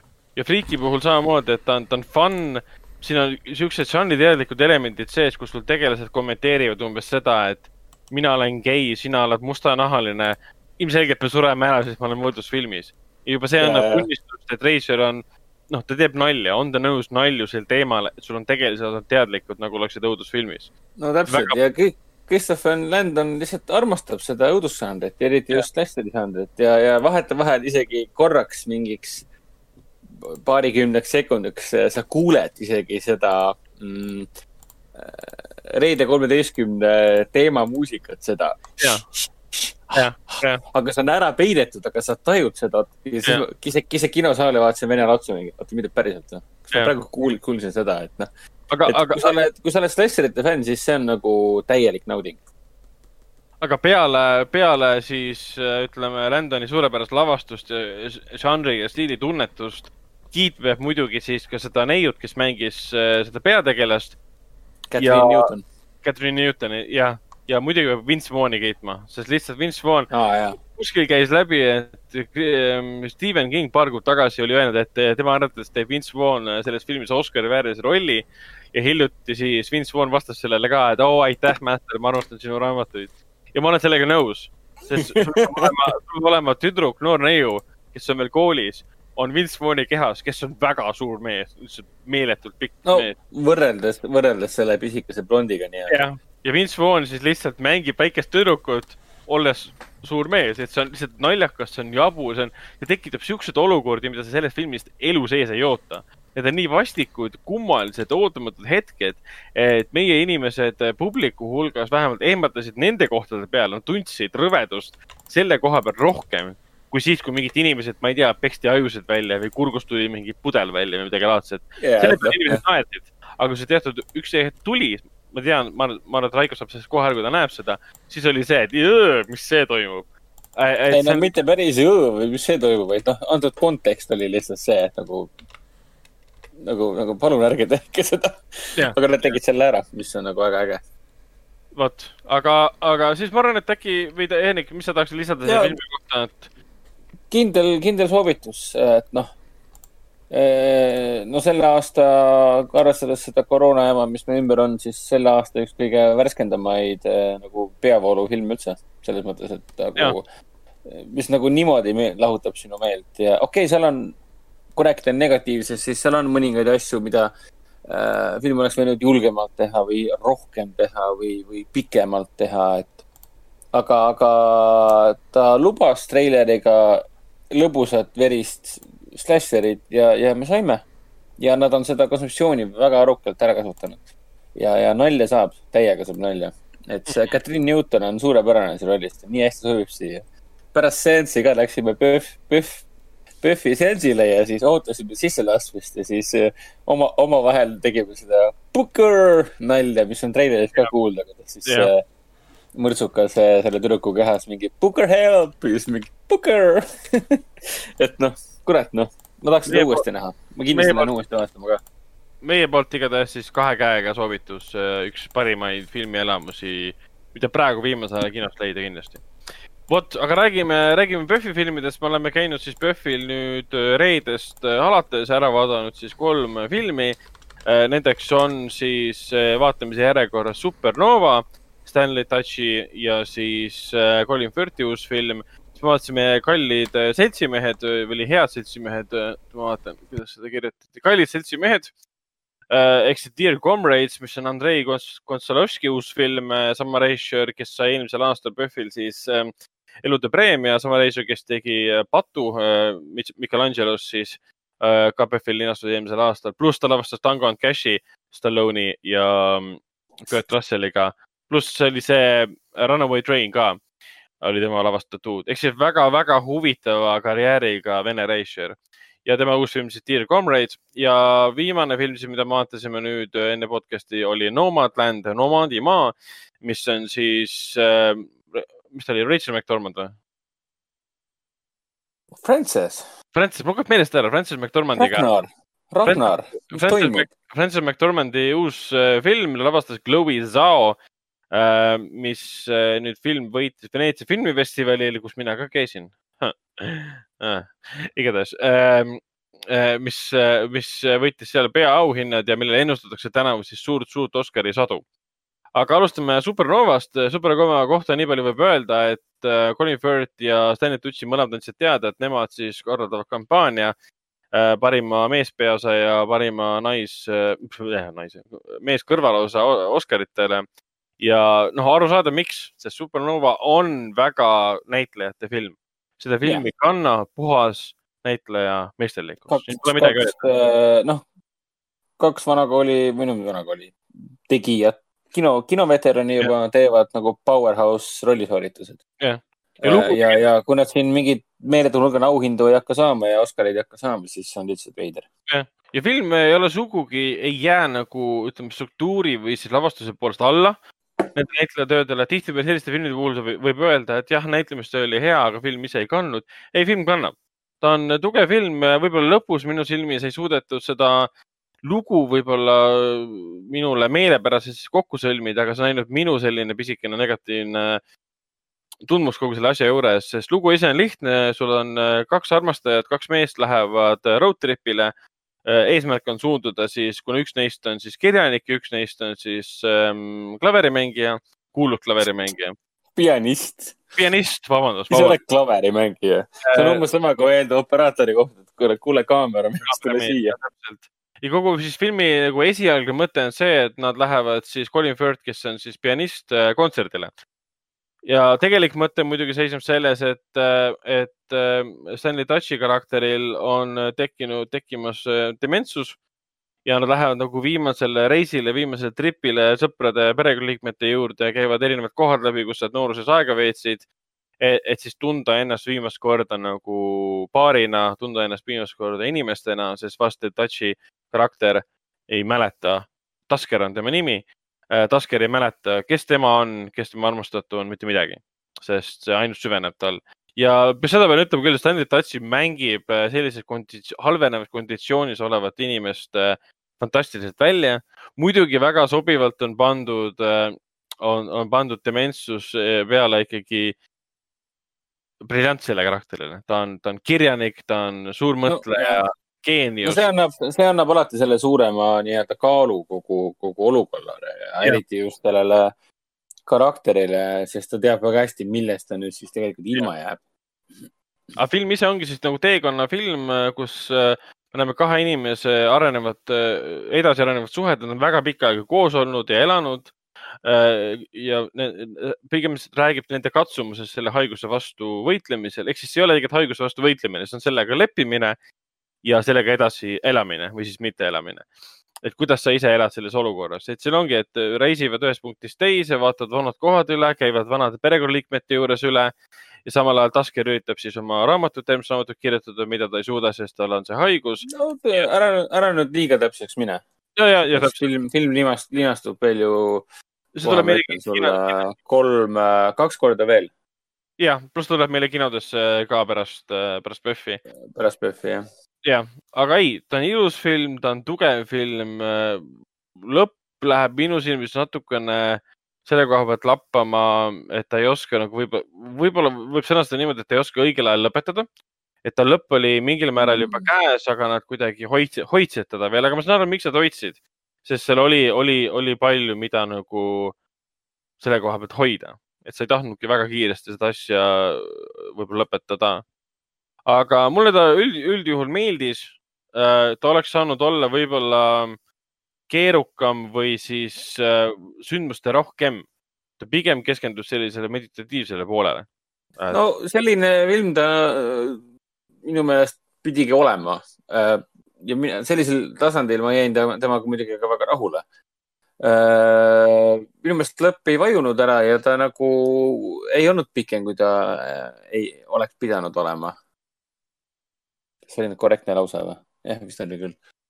aga, aga ma tundsin seda filmi vaadates pigem seda, et ma olen näinud midagi sellist juba ja, ja selle vormi poole peale, poolt nagu ta ei pakkunud erilist äh, nagu niivõrd suuri üllatusi. et eriti me, kuna, kuna siin on sees äh, tuttavad teemad äh, ka sellest äh, Tom Fordi lavastatud äh, A Single Man'ist, kus ka Colin Firth mängis, siis kuna see film on nagu vormilt äh, täiesti noh, geniaalne selles suhtes, et ma mingis mõttes ma olin tänu sellele Single Manile täiesti ära rikutud ja ootasin justkui miskipärast sisimas, ma tahtsin vormilt justkui midagi sarnast saada, aga seda nagu ei tulnud. aga see pole etteheide filmile, vaid pigem äh, mulle, et ma mingid ootused liiga kõrgele ajasin äh,. Oscarid hakkab saama, kindlasti vaadake kas siis PÖFFile ära või siis äh, kinos äh, kõige, kõige suurem asi jah, filmi juures on äh, Stanley Tucci ja Colin Firth, et nende vaheline suhe on äh, ääretult ilus ja, ja see, kuidas nad võitlevad siis selle äh, varajase, varajase dementsiaga on väga-väga traagiline mm. -hmm ja teine, teine USA film, mis me vaatasime, oli siis Nomadland, Nomaadimaa äh,. väga kiiresti kokkuvõttes selle filmi kohta võib öelda seda, et see leiab aset siis pärast kahe tuhande kaheksanda aasta Äh, selle kinnisvaraturu kriisi USA-s ähm, ja kus siis ähm, McDormandi karakter, mis ta nimi nüüd oli? just vaatasin filmi. Fran või? Fran jah, täpselt.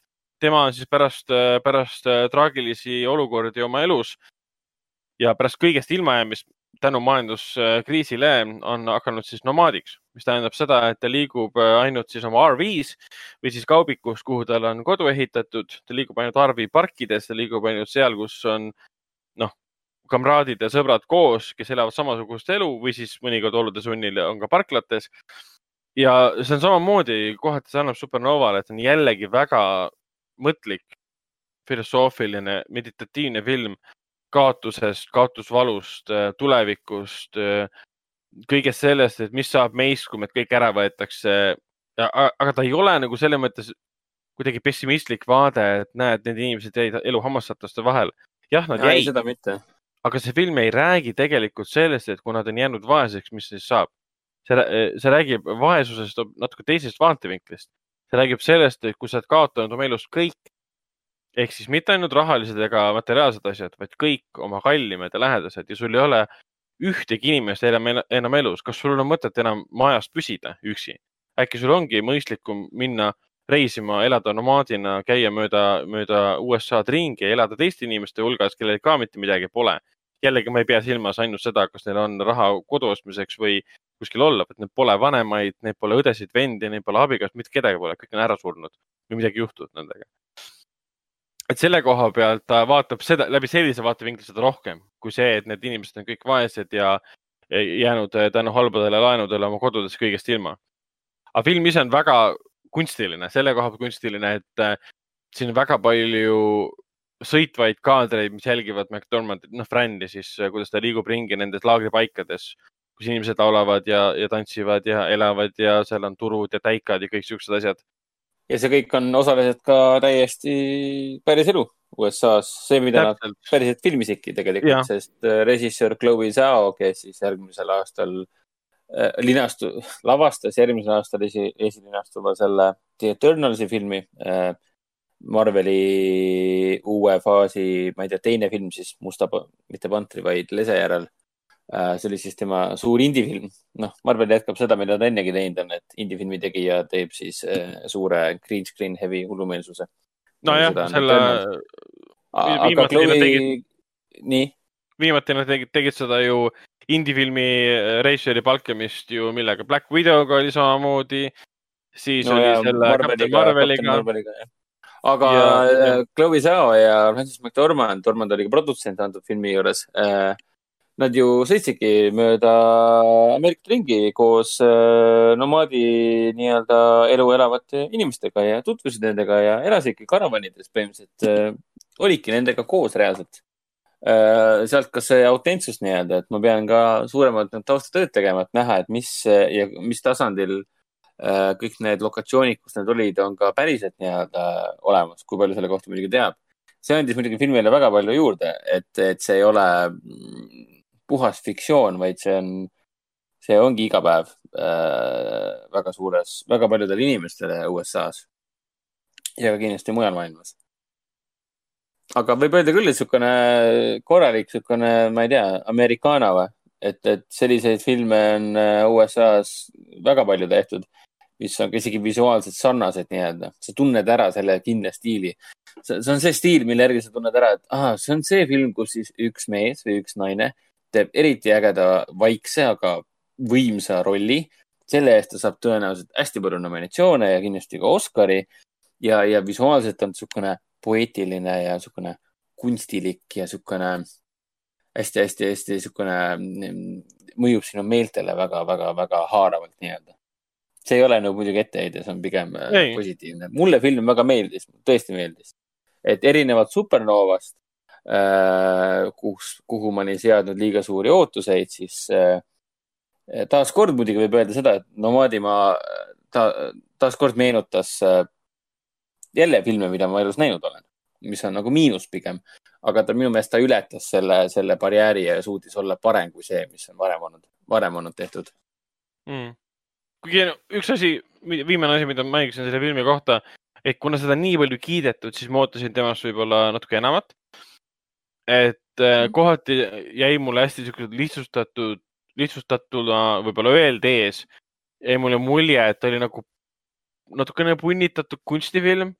et siin olid sellised elemendid sees, et teatavad stseenid lihtsalt ühel hetkel me näeme metsa, McDormand kõnnib ringi, kaamera sõidab seal ringi, naine vaatab ringi, klaverimuusika käib taustal, me näeme mingit puuronti, kus on mingi, mingi sümbol, mis iganes tähendus on sellel siis.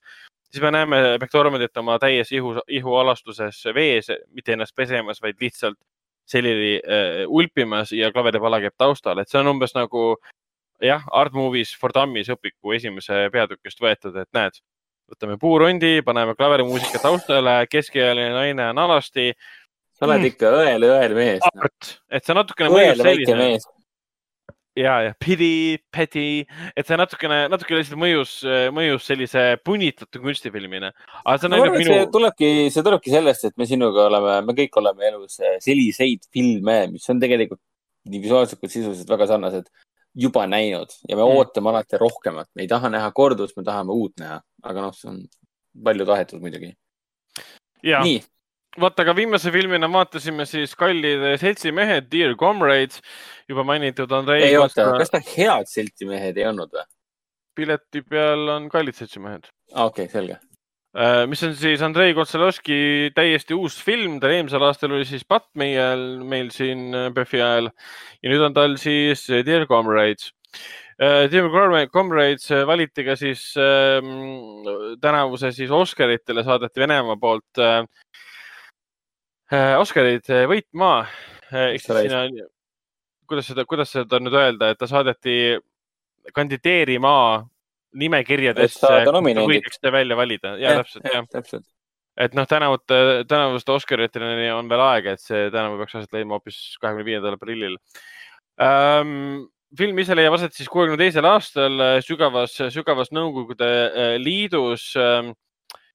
Äh, ütlen selle kohe, selle koha nimi Novosirkask piirkonnas. ma ütlesin seda ilmselt väga-väga-väga halvasti. Novosibirsk on siin Rostovi oblastis ähm, äh, Tonni, Tonni jõe ääres. Ja äh, kujutab siis kolmekümne teise aasta sündmusi, kus tööliste äh, demonstratsiooni käigus hakati inimesi tulistada, tulistama ja mitmekümne, mitmekümned inimesed surid. Ja kuidas see kõik maha maeti ja, ja ära peideti oma rahva eest ja ka siis. No, ametlikult seda sündmust siis teataksegi siis kuuekümne teise aasta Novotšerkaski massimõrva et toona ütleme niimoodi, et äh, käituti nagu seda poleks kunagi olnud, kõik pandi siis saladusvande alla no,. aasta oli kuuskümmend kaks, nii et no,. jah ja., aga film ise nagu kujutabki äh, olukorda, hästi kiiresti olukorda, mis viis selleni, et demonstrandid olid seal, mis viis nende tulistamiseni ja enamalt film keskendub sellele, mis sai pärast tulistamist.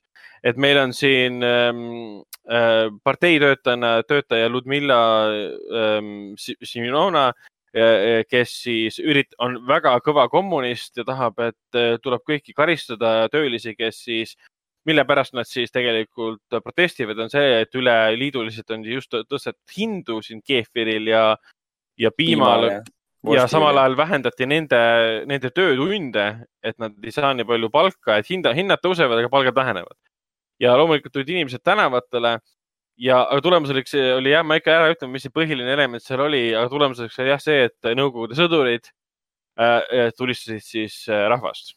ja mis sellele järgnes, oligi see, et Ludmilla tütar läheb kaduma ja kogu film keskendub tütre leidmisele.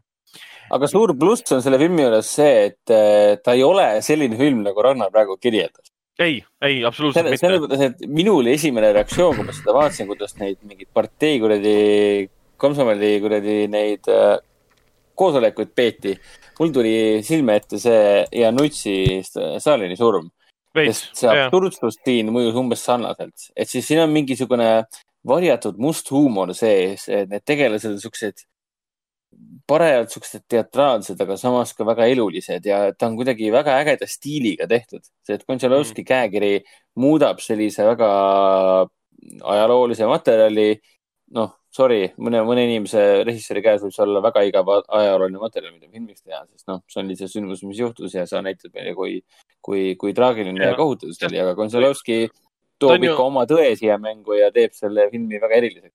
pluss ta on ju mustvalgena üles võetud, ma, okei okay,, ma ei tea, kas ta on üles võetud mustvalgena, võib-olla hiljem on värvi vahetud, muudetud siis aga ta on filmitud, mulle tundus, et ta ei ole hiljem tehtud, ta on filmitud, kuidas sa nimetad, see on kolm neljale formaadis siis ehk siis eh, kui sa vaatad suurelt ekraanilt, on ainult keskel ekraan täidetud. ja seda oli nagu väga-väga. sama, sama, mis The Lighthouse ei olnud või? põhimõtteliselt küll jah, Lighthouse'i formaadis siis. ja ta on väga vastik, ta on väga rõve film, ta näitab seda tohutut absurdi ja see film ei suutnud kogu seda absurdi, mis Nõukogude ajal valitses, millest mina ei tea muidugi sugugi nii palju, kui ma arvan, et ma tean, isegi seda ma arvan, et ma tean väga palju aga, aga ütleme, mu vanemad on rääkinud ka, et see oli ikka kohutavalt absurdne aeg ja see film suudab tabada need absurdsed momendid päris hästi, kõik see paberimajandus, see valetamine, vassimine ja kuidas, kuidas käituti oma rahva suhtes. ja muidugi see on huvitav ka, et see film on osati nagu teraapiline, et siin on Nõukogude armee siis üks, üks osakonna kindralitest ütleb ka, et issand, aga me ei ole andnud luba Äh, äh, anda siis padruneid meie sõduritele, sest Nõukogude armee ei tulista meie rahvast, me kaitseme meid välisvaenlase vastu. ja siis hakatakse seal arutama, aga meie rahva hulgas on juba välisvaenlased, et peame ikkagi midagi tegema. ja kõik need erinevad, erinevad, erinevad konfliktid, mis tekivad, üks suur partei jooksik nõuad demonstrantide karistamist isegi kuulidega. pärast avastad, et su enda tütar on demonstrantide hulgas olnud ja on kadunud võib-olla üks nendest äh, laipadest, kellest pooled või üle poole peideti ära naabrusoblastistesse, maeti massihaudadesse ja valetati kokku, et suri ainult kaheksa inimest selle massi, massimõrva ajal. et jõhker ja valus ja vastik film, meil inimesed jube, äh, jubeldamine on võib-olla palju öeldud, plaksutasid filmi lõpus kindlasti et.... aga no mul on, mul on hea meel, et Konchalovski stiil on see, mis noh, teeb ta nagu kunstilises mõttes väga haaravaks. sest noh, õnneks ta ei ole selline tüüpiline, tüüpiline, ma ei tea, lihtsalt panime ekraanile selle, mis juhtus. seda õnneks ei juhtunud mm.. et ta oli ikkagi oma tõde ja, ja äh, siin ikka huumorit jätkus tegelikult. Üldsegi selle peategelane, kes on siis räme kommunist nii-öelda, kuidas tema muutus toimub ja kuidas ta ringi jookseb, et see on kõik nii äh, noh, niisugune väga hinge, hingeminev lugu. Et see on võib-olla senise PÖFFi minu jaoks, kolme filmi jaoks parim film. no Aga... jah, võib-olla tõesti jah, okei okay, jah, kui kõik need etteheited Nomaadimaale ja sellele Supernovale, mis puudutab vormi, siis võib-olla Dear Comrades, Comrades on jah see, mis võiks olla mm -hmm. vormilt nendest kõige parem äkki vot, aga PÖFFist saame edasi rääkida ka järgmisel korral, sest PÖFF kestab kokku kaks ja pool nädalat, vist oli seitseteist päeva. räägime, räägime uudistest. nimelt siin vahepeal selgus, et USA-s tuleb siis detsembris eh, VOD-s DVD Blu-ray'l välja. Selline film nagu Werewolf ehk siis libahunt, mis meil linastus eelmise aasta PÖFFil. Ja meile väga-väga meeldis, see oli meie jaoks PÖFFi üks parimaid äh, filme, see räägib siis äh, lastest, kes põgenevad äh, natside koonduslaagrist lähedal asuvasse siis metsasse asuvasse siis häärberisse või lossi, mida siis hakkavad, hakkavad siis terroriseerima metsikud koerad ja mis, mis sellega seoses. koerad ehk siis need on äh, maha kantud natsilaagritest põgenenud verejanused koerad, kes, keda on treenitud tapma. jah, täpselt, et see koerad ei ole midagi muud selles filmis kui allegooria metafoor nende laste enda läbi elatud eh, õudustest ja nendest tulenevatest eh, hirmudest. Ja see Häälepäär aga- ei ole midagi muud kui järjekordne vangikong, millest nad nagu välja ei saa. aga jah film,, aga, aga tegemist on ikkagi väga otsekohese Poola, või noh, Poola pole nii tähtis, aga otsekohese õu- õudusfilmiga, täielik žanrifilm selles suhtes. jah. ja see on, ta on õudusfilm, ta on väga pingeline film, ta on väga tempokas film, ta on action film kohati, aga õudus action film siis. ja see on umbes selline asi, mida tegelikult vaataks Haapsalu õudus- ja fantaasiafilmifestivalil ja naudiks täiega. Et see oli huvitav, huvitav avastus, samamoodi oli huvitav avastus ka, et eelmise aasta PÖFFil linastunud Ajanihkeed äh, tuleb ka Eesti kinodesse. Eesti kinodes on ta siis uue pealkirjaga Ajapiirid ehk siis sünkroonik. see on siis Ajapiir. Justin, Justin, Ajapiir jah, Justin Benson ja Aaron Mooreheadi film äh, Anthony Mackie ja siis Jamie Dormaniga, Dormaniga, mida me vaatasime siis eelmise aasta PÖFFil ka ja meile tegelikult väga meeldis, et see on huvitav kuidas aasta hiljem juhtuvad asjad. vot. kindlasti lähen uuesti vaatama, sest see oli väga hea ulmekus. mm.. vot äh, uudistest veel, et äh, vahepeal pidi siis meile detsembris tulema kinodesse Tom Hanks'i uus film News of the World. Mille siis eesti keeles oli lavastas, see uudised laiast ilmast. jah, Paul Greengrassi uus film, mina olin väga üllatunud, et see on Paul Greengrassil lavastatud. sest Jah. äh, ma saan aru, et ta teeb Tom Hanks'iga uuesti koostööd, sest nad lavastasid koos äh, Captain Phillipsi. aga ikkagi, Greengrass on seesama vend, kes õpetas Jah. maailmale, et kaamera shake imine on tore ettevõtmine tänu porni Eks filmidele jah. ja Green, Green Zone'ile ka. aga eriti the see, et Greengrass teeb siis Westernit nii-öelda koos Tom Hanksiga. jah, see on siis lihtsalt äh, vananevast äh, Westerni staarist rändajast, kes otsustab, et ta viib ühe siis võõrkeelt kõneleva neiu tema perekonna juurde üle kogu siis Ameerika Midwesti või mis piirkonna. Tegelikult ta viibki reaalselt uudised laiast ilmast äh, mööda Ameerikat, reisib mööda Ameerikat ringi Mm. ja, ja ta satub peale väiksele tüdrukule, kes on kunagi väga ammu indiaanlaste poolt röövitud ja nende juures üles kasvatatud. aga tal on õnnestunud põgenema pääseda ja ta otsustab ta tagasi koju viia ja el elus olevate sugulaste juurde. aga tüdrukul on muidugi see teema, et ta ei, ta ei tunne inglise keeltki eriti. ta põhimõtteliselt on elanud inimestega, kes ei, ei räägi inglise keeles. Ja aga Ja miks me sellest filmist, miks me sellest filmist räägime, põhjus on väga lihtne, nimelt ne- Netflix andis teada, et nemad ostsid Universalilt ära rahvusvahelised õigused, mis tähendab seda, et mis ta oli kahekümne viiendal detsembril vist, jõuab see film äh, Euroopas, mujal maailmas, välja arvatud USA ja siis Hiina, jõuab ta Netflixi. ja Jah, US, mis on- USA ja Hiina kinodes the World siiski linastub, Eesti kinodesse see film siis ei jõua, see jõuab meile läbi Netflixi see kõik on väga kurb, sest tundus väga eepiline asi, mida vaadata kinoekraanil. tõsi, eepiline asi, mida kinoekraanil vaadata, on ka Wonder Woman tuhat üheksasada kaheksakümmend neli ehk siis eh, Wonder Womani esimese filmi järg, mis pidi tulema siin juba suvel välja ja sügisel välja ja nüüd äh, tundub, et kuulujutud selle kohta, et HBO või noh, Warner Brothers mõtleb, et võiks selle ikkagi panna hoopis HBO Maxi ehk siis voogedastusse või siis lükata film edasi järgmise aasta suve peale. hetkel ta vist on veel püsiv kuupäev ja enam ei ole kurat seda teab. seal vahepeal nagu oli, aga need vahetusid nii kiiresti.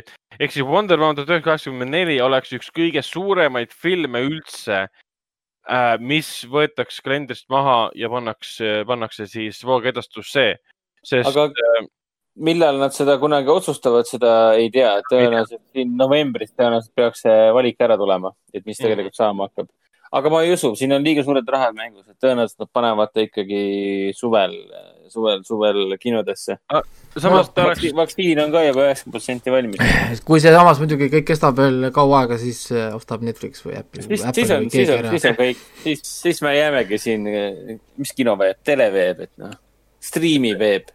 Et selle koha pealt, et äh, ma ütlesin nagu valesti, et Wonder Woman tuhat kaheksakümmend neli ei ole kõige suurem, et Mulan juba oli tegelikult suur film ja pandi Disney plussi. nii et Wonder Woman tuhat üheksasada kaheksakümmend neli, see, et ta lõpetab HBO Maxis, mida Eestis ei ole, pole üldse üllatav, selles mõttes see võib juhtuda tõesti, nad ei jaksa võib-olla järgmise aastani oodata lihtsalt, järgmise aastani uued filmid kavas juba.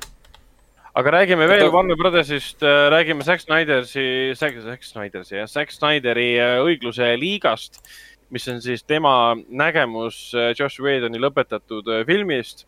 ehk siis Zack Snyder alustas õigluse liigaga ja siis ta oli sunnitud võtetest äh, loobuma ja Josh Whedon võttis selle üle. film jõudis siis seitseteist juba, jah, jõudis. nii vana film juba või? päris vana film juba jah. jõudis kinodesse ja tulemuseks on muidugi see, et filmi vihkasid enamjaolt nii fännid kui ka kriitikud ja no minu, minul ei ei, see film absoluutselt korda ei läinud, see oli täiesti. täiesti, täiesti mõttetu junn, mille olemusel on täiesti arusaamatu. ja, ja nüüd siis äh, Zack Snyder on siis viimased aastad äh, tegelenud sellega, et anda, anda filmist välja Snyder Cut, mis pidi vist mingi neli või viis tundi pikk olema. see tuleb otse HBO Maxi, sellest on nii palju pikalt räägitud, et ähm, Warner Brothers andis talle siis kolmkümmend miljonit, et ta teeks lisatseene reshoot'e postproduktsioonis ja ta ütles, et ei kasuta ühtegi Josh Whedoni filmitud kaadrit, mitte midagi teeb kõik nullist uuesti. ehk siis tal on mingid äh, tseenid äh, olid filmis juba tema enda tehtud, tal on mingid tseenid, mis on jäänud siis montaaži põrandale. pluss ta siis filmis juurde materjali. nüüd äh, lekkis. sellest ma sain aru, et isegi seitsmekümnest miljonist oli jutt. no isegi seitsmekümnest miljonist jah, täpselt. et siis nüüd tekkis info, et äh, väidetavalt see uus materjal, mida ta filmis seitsmekümne miljoni eest siis äh, või noh, mille eest see seitsekümmend miljonit maksis, et see on neli minutit ainult et äh, õiglusliiga ise oli mingi üle kahe poole tunnine äh, film ja tundub, et siis neli minutit äh, sellest uuest versioonist on see, viie, neljatunnisest versioonist on see, mida siis Snyder ise on juurde filminud. ülejäänud on lihtsalt postproduktsioonis lõpetatud stseenid, mida ta kunagi. no ma eeldan küll, sest absurdne oleks ju arvata, et seitsekümmend miljonit läks äh, nagu live action shoot, shoot, shooting'u peale, ehk siis me täiesti uue materjali filmimise peale ma väga ei usu ja. seda, et nii palju tal üldse midagi vaja oli, et noh, kui tal on neljatunnine asi, siis see, et noh, see kaks tundi põhimõtteliselt, mis sinna juurde läheb, et see on tal ikkagi montaažiruumi põrandal vedelenud kõik see aeg ja tal on vaja ta lõpetada, visuaalefektid, muusika peale panna, helindada, kõik see, kõik võtab hästi palju raha, nii et see pigem sedapidi võtta. mis te arvate, kui erinev see, kui erinev see tuleb? Sellest, äh, mis me, mida me nägime juba? tõenäoliselt samasugune äh, tükk, tuim tükk nagu see äh, sammune Batman versus Superman ehk siis äh, Zack Snyder saab oma tahtmise te,, teeb oma filmi. jumal teab, see võib tulla väga hea film. sisu oleks vaja, seda oleks filmil vaja, narratiivi. ja, ja seda. jah, aga seda, seda ta vist, seda sa vist selle kahe tunniga küll juurde ei saa et ei. Äh, ta teeb kõike muud tõenäoliselt, kui tegeleb äh, reaalselt sisuga. ei tea, kas see ka, aa, selles polnud Martat ju, Marta oli Superman versus Batman ju. Marta oli jah, Supermanid. aga ma arvan, et selles nelja minuti jooksul me kuulame päris mitut, äh, mitut Martat, et Snyder leidis, et seitsmekümne miljoni dollari eest on veel mõistlik maksta Henry Cavillile ja Ben Affleckile peale, et veel Marta Jane filmida aga me võime praegu. me siin räägime, tõenäoliselt palka maksti ju näitlejatele siin. jaa, me võime siin, võime siin irvitada küll, aga võib-olla tulemus on see, et see on legendaarselt hea film. tõestab, et Snyder pole häkk. paneme, paneme kümneka vahele või? paneme kümneka vahele. on see liiga väike või? Me ei tea, millal see üldse tulebki, oota, on see kuupäev olemas? Hendrik kontrollib kuupäeva, mina lähen edasi filmi soovituste juurde. räägin filmidest, mis äh, alustavad siis nüüd äh, kahekümnendal novembril Foorumis äh,, Foorum Cinemas kinodes alustab see ellujäämine silmapiiril ähm,. pingeline õudus, mitte õudus, pingeline põnevik taevas äh,, kus siis lennukis lennuki piloot saab insuldi ja inimesed, kes ei oska lennukiga lennata, üritavad ellu jääda, mis on päris hea idee. siis jõuab ka uus Vene mm, fantaasiapõnevik, äh, surmavad illusioonid ja siis ka väga äge äh, äh, krimikomöödia Hollywoodi sulid, kus säravad meile teada-tuntud Zac Braff ja muidugi ka Tommy Lee Jones ja mm, Robert De Niro. veel on muidugi PÖFFil olemas PÖFF, PÖFFil olemas jah, Foorum Cinemas on kindlasti olemas veel PÖFF ja kinoklassika raames saab novembri kõikidel kolmapäevadel näha raevunud härga ehk siis Raging Balli. ja siis ka kinoklassikat saab näha nüüd detsembris kõikidel kolmapäevadel. Kino... äh,. Michael Manni Pinget siis detsembris. Ja see ja, on juba täpselt. müügi müü,, esilinastus on müügis ka, Iceland saalis, 4K mm, maasikas. Kinos Artis saab kahekümnendast näha siis äh, lastele suunatud jõulufilmi Kõik, mida soovin jõudvalt kaks Vene draama, kas keegi oma tüdrukut näinud ja taaskord siis Hollywoodi sulid. kas sa nii palju oskad Artis öelda, et see teine osa, see kõik, mida ma soovin jõuludelt kaks, kas see on vajalik, et esimest osa on nähtud või? ei ole. ma tingimata uurisin just selle info tegelikult välja, kas ta on vajalik või mitte. see on sama tegelase uus seiklus ehk siis, kui ma tulen lastega vaatama, ma pole esimest osa näinud, me oleme fine. ei ole, ei ole. esimeses osas tal on üks seiklus ja üks missioon, üks eesmärk. Teises osas on, elab nagu nii-öelda uut elu seesama tegelane ja uus, see uus seiklus, uus eesmärk. et no, see- ei ole nagu niimoodi omavahel seotud, et seda süda, südamerahus võib vaatama tulla. See, see teie jutu järgi see kõlab nagu mingisugune frantsiis, millest ma peaksin nagu teadma midagi. ei, see on väga tore film, soovitan kindlasti vaatama tulla. aga sul on väga palju asju millest sa ei tea ennem Et, ennem kui sul on, olen. on sul lapsed, ega sa ei teagi päris palju ega ei, see Lastemajja, Lastemajja detektiiv, detektiivibüroo Rongerivi saladused samamoodi, see on väga, väga tore film, noh, miks mitte vaadata neid ja lastele on need vä- väga naljakad. tihtipeale artiliselt meil käidakse rohkem vaatamas just live action filme, mis on peale loetud eesti keeles kui animatsioone. Sest äh, mulle tundub, et lapsed on kuidagi väsinud animatsioonidest, et äh, live action nagu stimuleerib võib-olla rohkem nüüd. võib-olla lihtsalt asi, asi pole, asi on praegu selles, pole rohkem valikut ka vot, mis veel on siis olemas, mainime ära, et Netflixis saab vaadata muidugi Bly Manorit, mida Hendrik soovitab, Queen's Gambitit, mida soovitan, soovitab Raiko ja mina. siis on olemas Life Ahead, mis on Sofia Loreni uus film. talle ennustatakse selle eest siis ka Oscari nominatsiooni vähemalt. Nüüd siis neljandal detsembril lisandub sinna David Fincheri uus film Mänk. omalt poolt ma soovitaksin kindlasti vaadata esimest Spider-man'i, sest Spider-man'i ei ole kunagi liiga palju, eriti esimest ja teist osa. ja kas liit-, Sofia Loren on elus või? jah, okei okay. sellel Justice League'il ei ole uut kuupäeva, ei üldse kuupäeva paigas Okei, ainult järgmine aasta. Äh, Netflixis on endiselt olemas, ma ei tea, mis ajal nad saabusid, aga on olemas Little Weapon, mida soovitan kindlasti vaadata, kui pole näinud mingil jumal teab mis ja põhjusel., ja Ja- aeg. ja siis on olemas ka Mercury, Mercury Rising, Mercury on hädaohus, Bruce Willise film. ja kuna viies november on juba möödas ja me seda üldse ei aa, maininud. Viivon Dettal on jah, see fifth, fifth of November. Remember, mäleta, remember the mäleta, fifth mäleta november. viiendat novembrit. issand, kuidas ma kunagi fännasin seda filmi jube ei, ja ma väga, ma õppisin sellest filmist mingi, ma ei tea, mingi nelisada uut ingliskeelset sõna, sest äh, jumal hoia ja, ma mäletan. mul oli kõrval. see äh, noh, see sõna, sõnaraamat, ma pidin kogu aeg vaatama, oot, oot, oot, no nii, mis sõna see nüüd on? mis sõna nüüd see on, mis sõna see on, mis sõna see no on? vot, see oli nii väga-väga keeruline film selle kohta. aga mida vanemaks me saame, seda huvitavam seda korduvalt uuesti vaadata. Ütleme nii, see areneb eh, koos eh, vaatajaga või noh, vaataja areneb, film jääb samaks. vot, Telia HBO-s on uutest äh, seriaalidest olemas The Undoing, Hugh Granti ja siis Nicola, Nicola, Wow, Wow, Nicole Kidmaniga. ja siis Amazon äh, Prime videos endiselt on olemas Brat kaks, Apple TV plussis Ted Lasso, mida ma järgmiseks korraks vaatan. ja endiselt on ja olemas sa vaatasid. Ah, endiselt on olemas seal On the Rocks, mida äh, Sofia Coppola film siis, mida Raiko kiitis ja Bruce Springsteeni dokumentaalfilm, Peeter. seal tuli nüüd kõik see Aga- la- laste content tuli ka ära, mis me eelmine kord rääkisime, kõik on nüüd saadaval, need sarjad, filmid, dokumentaalid äh, Apple TV-s mm. -hmm. on terve hunnik. mul, ma unustasin öelda, ma tegelikult vaatasin vahepeal lõpuni selle Telia TV-s ju selle Saare sarja, see Third Day, aa, selle kolmas seitse, seitse episoodi sai läbi.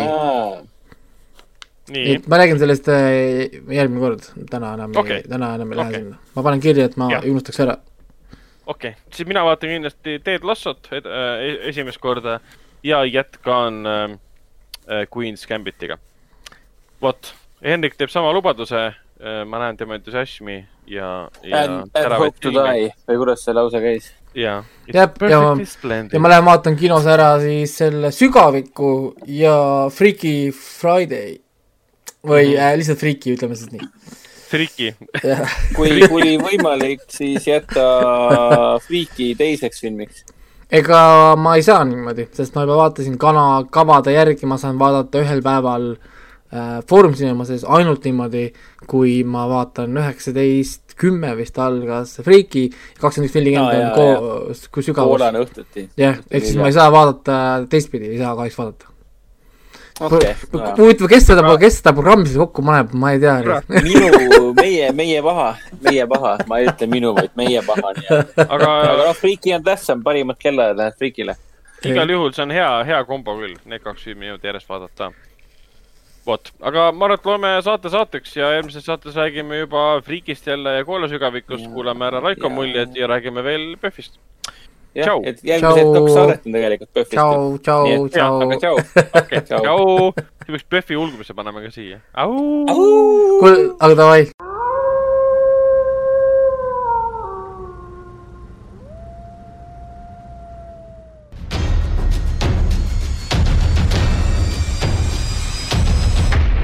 kinoveebi Jututuba podcasti toob teieni Foorum Cinemas.